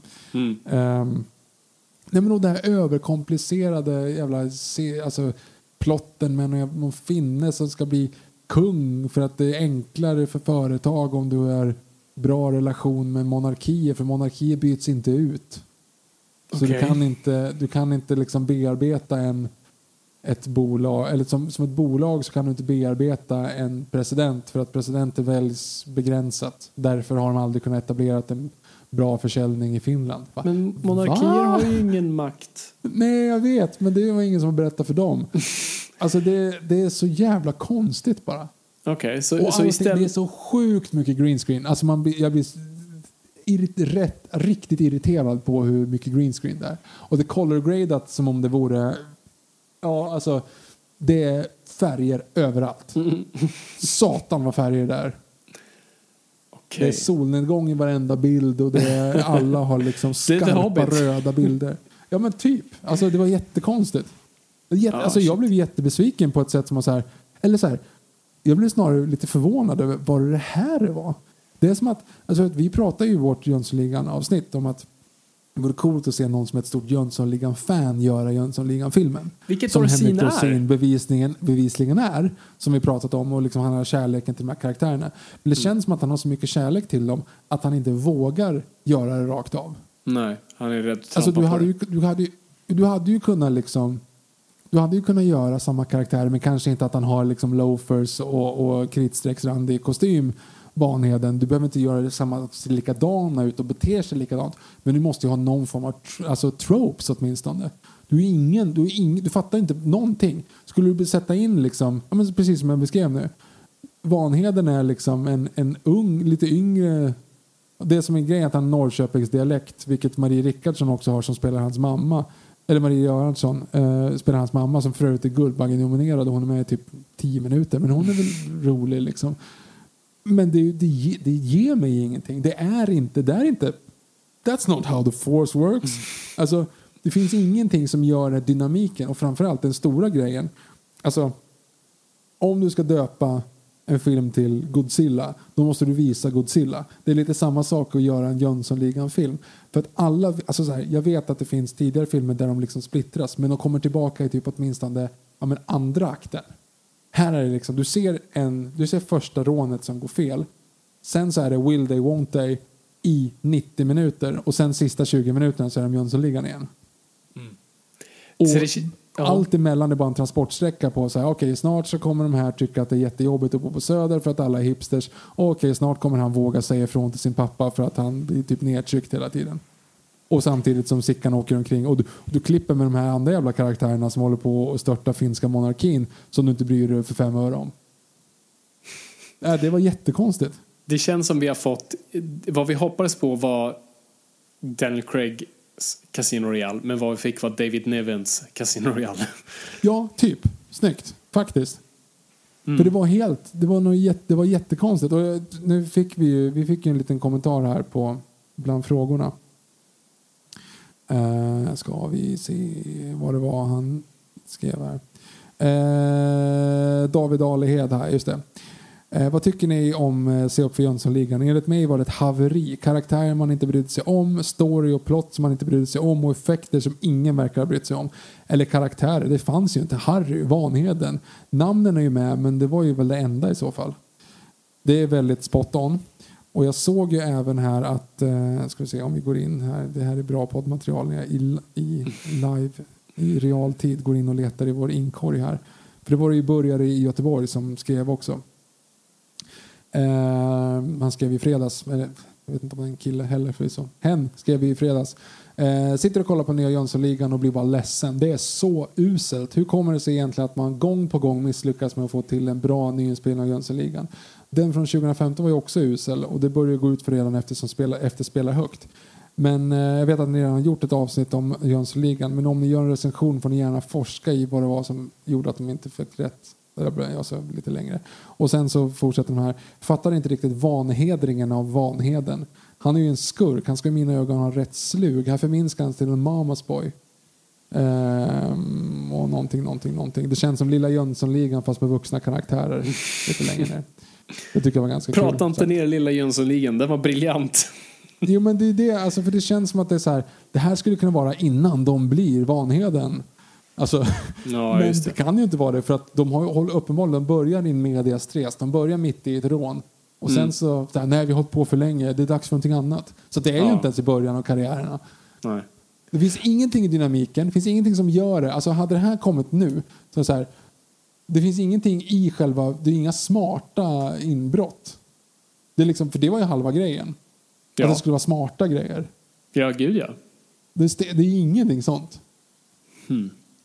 Henrik Dorsin, eller så här, Sickan ska liksom lösa en kod och, och lyckas lista ut det på grund av att det står klottrat i en hiss som han såg förut. Det stod Heja Bajen. Så lösenordet är Heja Bajen. Okej. Okej. Mm. Det har du, inte hintat om det tidigare. Det är bara det att nu, okej, så den här stora skurken är bajare. Okej. Och då, ja, ja. Alltså det, det, var, nej, det var Ja. jätte, jätte, jättekonstigt. Ja, det, det låter weird. Jag, jag ser faktiskt mer fram emot att se det nu än vad jag gjorde tidigare. Eh, bara för att se vad, vad, vad ja, det du beskriver låter väldigt weird. Och jag hade väl förstått om det var liksom bara ett vilket litet eh, liksom, produktionsbolag som bara vill göra snabbt cash grab. Så, så ja, visst. Men det här är ju uppenbart människor som är fans i grunden som ligger bakom det. Och eh, det gör det ännu mer konfunderligt. Så att, Framförallt är det duktiga människor. Alltså det, Det är också. Effing Alfredsson som har regisserat. jo, jag vet. Eh, det, det, ja, Nej, jag, för, jag, jag förstår ännu mindre och jag har inte sett den. Så att, eh, bra recension där, Viktor. Jag, det är väldigt välutförligt och eh, ja, det, jag, jag måste se den nu. Ja, du borde fan göra det alltså. Mm. Och så framförallt så kan vi prata om just det här med karaktärerna. För det, där tappar de mig helt alltså. Ja. Nej, riktigt synd. Jag, jag tror verkligen, särskilt när vi pratade karaktärerna där i starten, just, så, ja, just det, finns fan mycket potential i de där karaktärerna. Någonting man verkligen kan göra med och bygga utifrån på, på något som känns de sanningsenliga. Ja, Weird. på något sätt var ju ändå dynamiken var ju grejen. Absolut, det var allt. Helt klart. Hmm. Ja. Okej, Viktor. Ta tack så jättemycket. Det var en, ja, ännu en gång, grym recension. Utförligt. Bra. Men jag fattar, alltså har det påverkat ännu mer också dessutom att den har släppts på Simor? Alltså att det här inte var en biofilm? Alltså jag vet inte. Tänk ja, det om var det här intressant varit att se hur den hade spelat. Eh, Det, Ja, det är jag riktigt nyfiken på. Om liksom Word of Mouth hade dödat den eller om, om folk hade varit nöjda med att bara se någonting med Jönssonligan påklistrat. Vem vet? Jag, jag har ingen aning. Eller ser man filmer sämre på VOD? Alltså du, sitter, du kan ju gå ju och hämta vatten eller du gör ju, det händer ju andra saker. Du sitter ju mer koncentrerad i en biosal. Mm. Ja. Men jag hängde ju typ inte ens med i handlingen. Alltså, det var ju. Nej. Så jag kände mig antingen, antingen var det för att jag satt hemma och tänkte på det julgranar och små Men det är ändå också, det. liksom. Det är ändå en grej med Jönssonligan-filmer. Du, du behövde inte förstå riktigt allt som hände och, och det, liksom, den komplicerade heisten. Men som du sa, nyckeln var dynamiken och karaktärerna. Och så Mm. var liksom, du var bara along for the ride och det var kul. Eh, och det värsta är ju då om karaktärerna inte lever det. Då du börjar titta på uh, tapeten och bara vänta vad är det där för någonting? Och då, då är du fel ute. Men, Mm. Nej, men det, den hade några, med det sagt, den har ju några stunder. Det finns alltså när de, de synkar en heist mot en, eh, mot en låt i radio till exempel. Det är ett ganska roligt koncept. Kolla, alltså, fullt sevärd. Men det är ju ingen Jönssonligan-film. Jag, jag tror jag satte två och en halv på den, vilket jag så här, i efterhand tycker är egentligen lite högt. Men det är mest för att det är lite grann som Suicide Squad. ja, Alltså, allt kopplas till Suicide Squad. Jag gillar alla som är med. Jag vill att det ska vara bra, men det är inte det. Vad fan ska jag göra liksom? Nej, det är ett bra, bra sammanfattat. Bra, snyggt. Okej, ska vi, det, nu lämnade vi ju tyvärr 2020 på en ganska bum note här. Men, men, eh, eller folk kanske blev uppmuntrande ändå. Men, eh, men vi, vi kommer avsluta här nu, men vi är tillbaka nästa år eh, som vanligt. Och eh, vi har några riktigt bra avsnitt inplanerade och några riktiga så här, efterfrågade. Och eh, jag, tror, jag tror vi kommer att ha ett riktigt jävla grymt år och vi kommer se till att 2021 blir ett grymt jävla år. Och det kommer vara tufft i början men vi kommer fan ta oss igenom det här. Och eh, det är bara att hålla ut. Det, vi ser ljuset nu. Så att, och vi kommer vara med er hela vägen igenom. Och eh, förhoppningsvis underhålla er lite på vägen. Så att, eh, ja, vi säger farväl Jag till tror 2020. på 2021. Mm. Okej, ska vi bomma igen det här?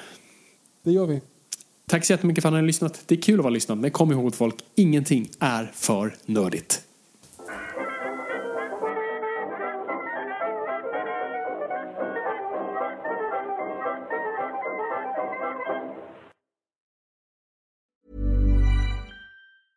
Even when we're on a budget, we still deserve nice things.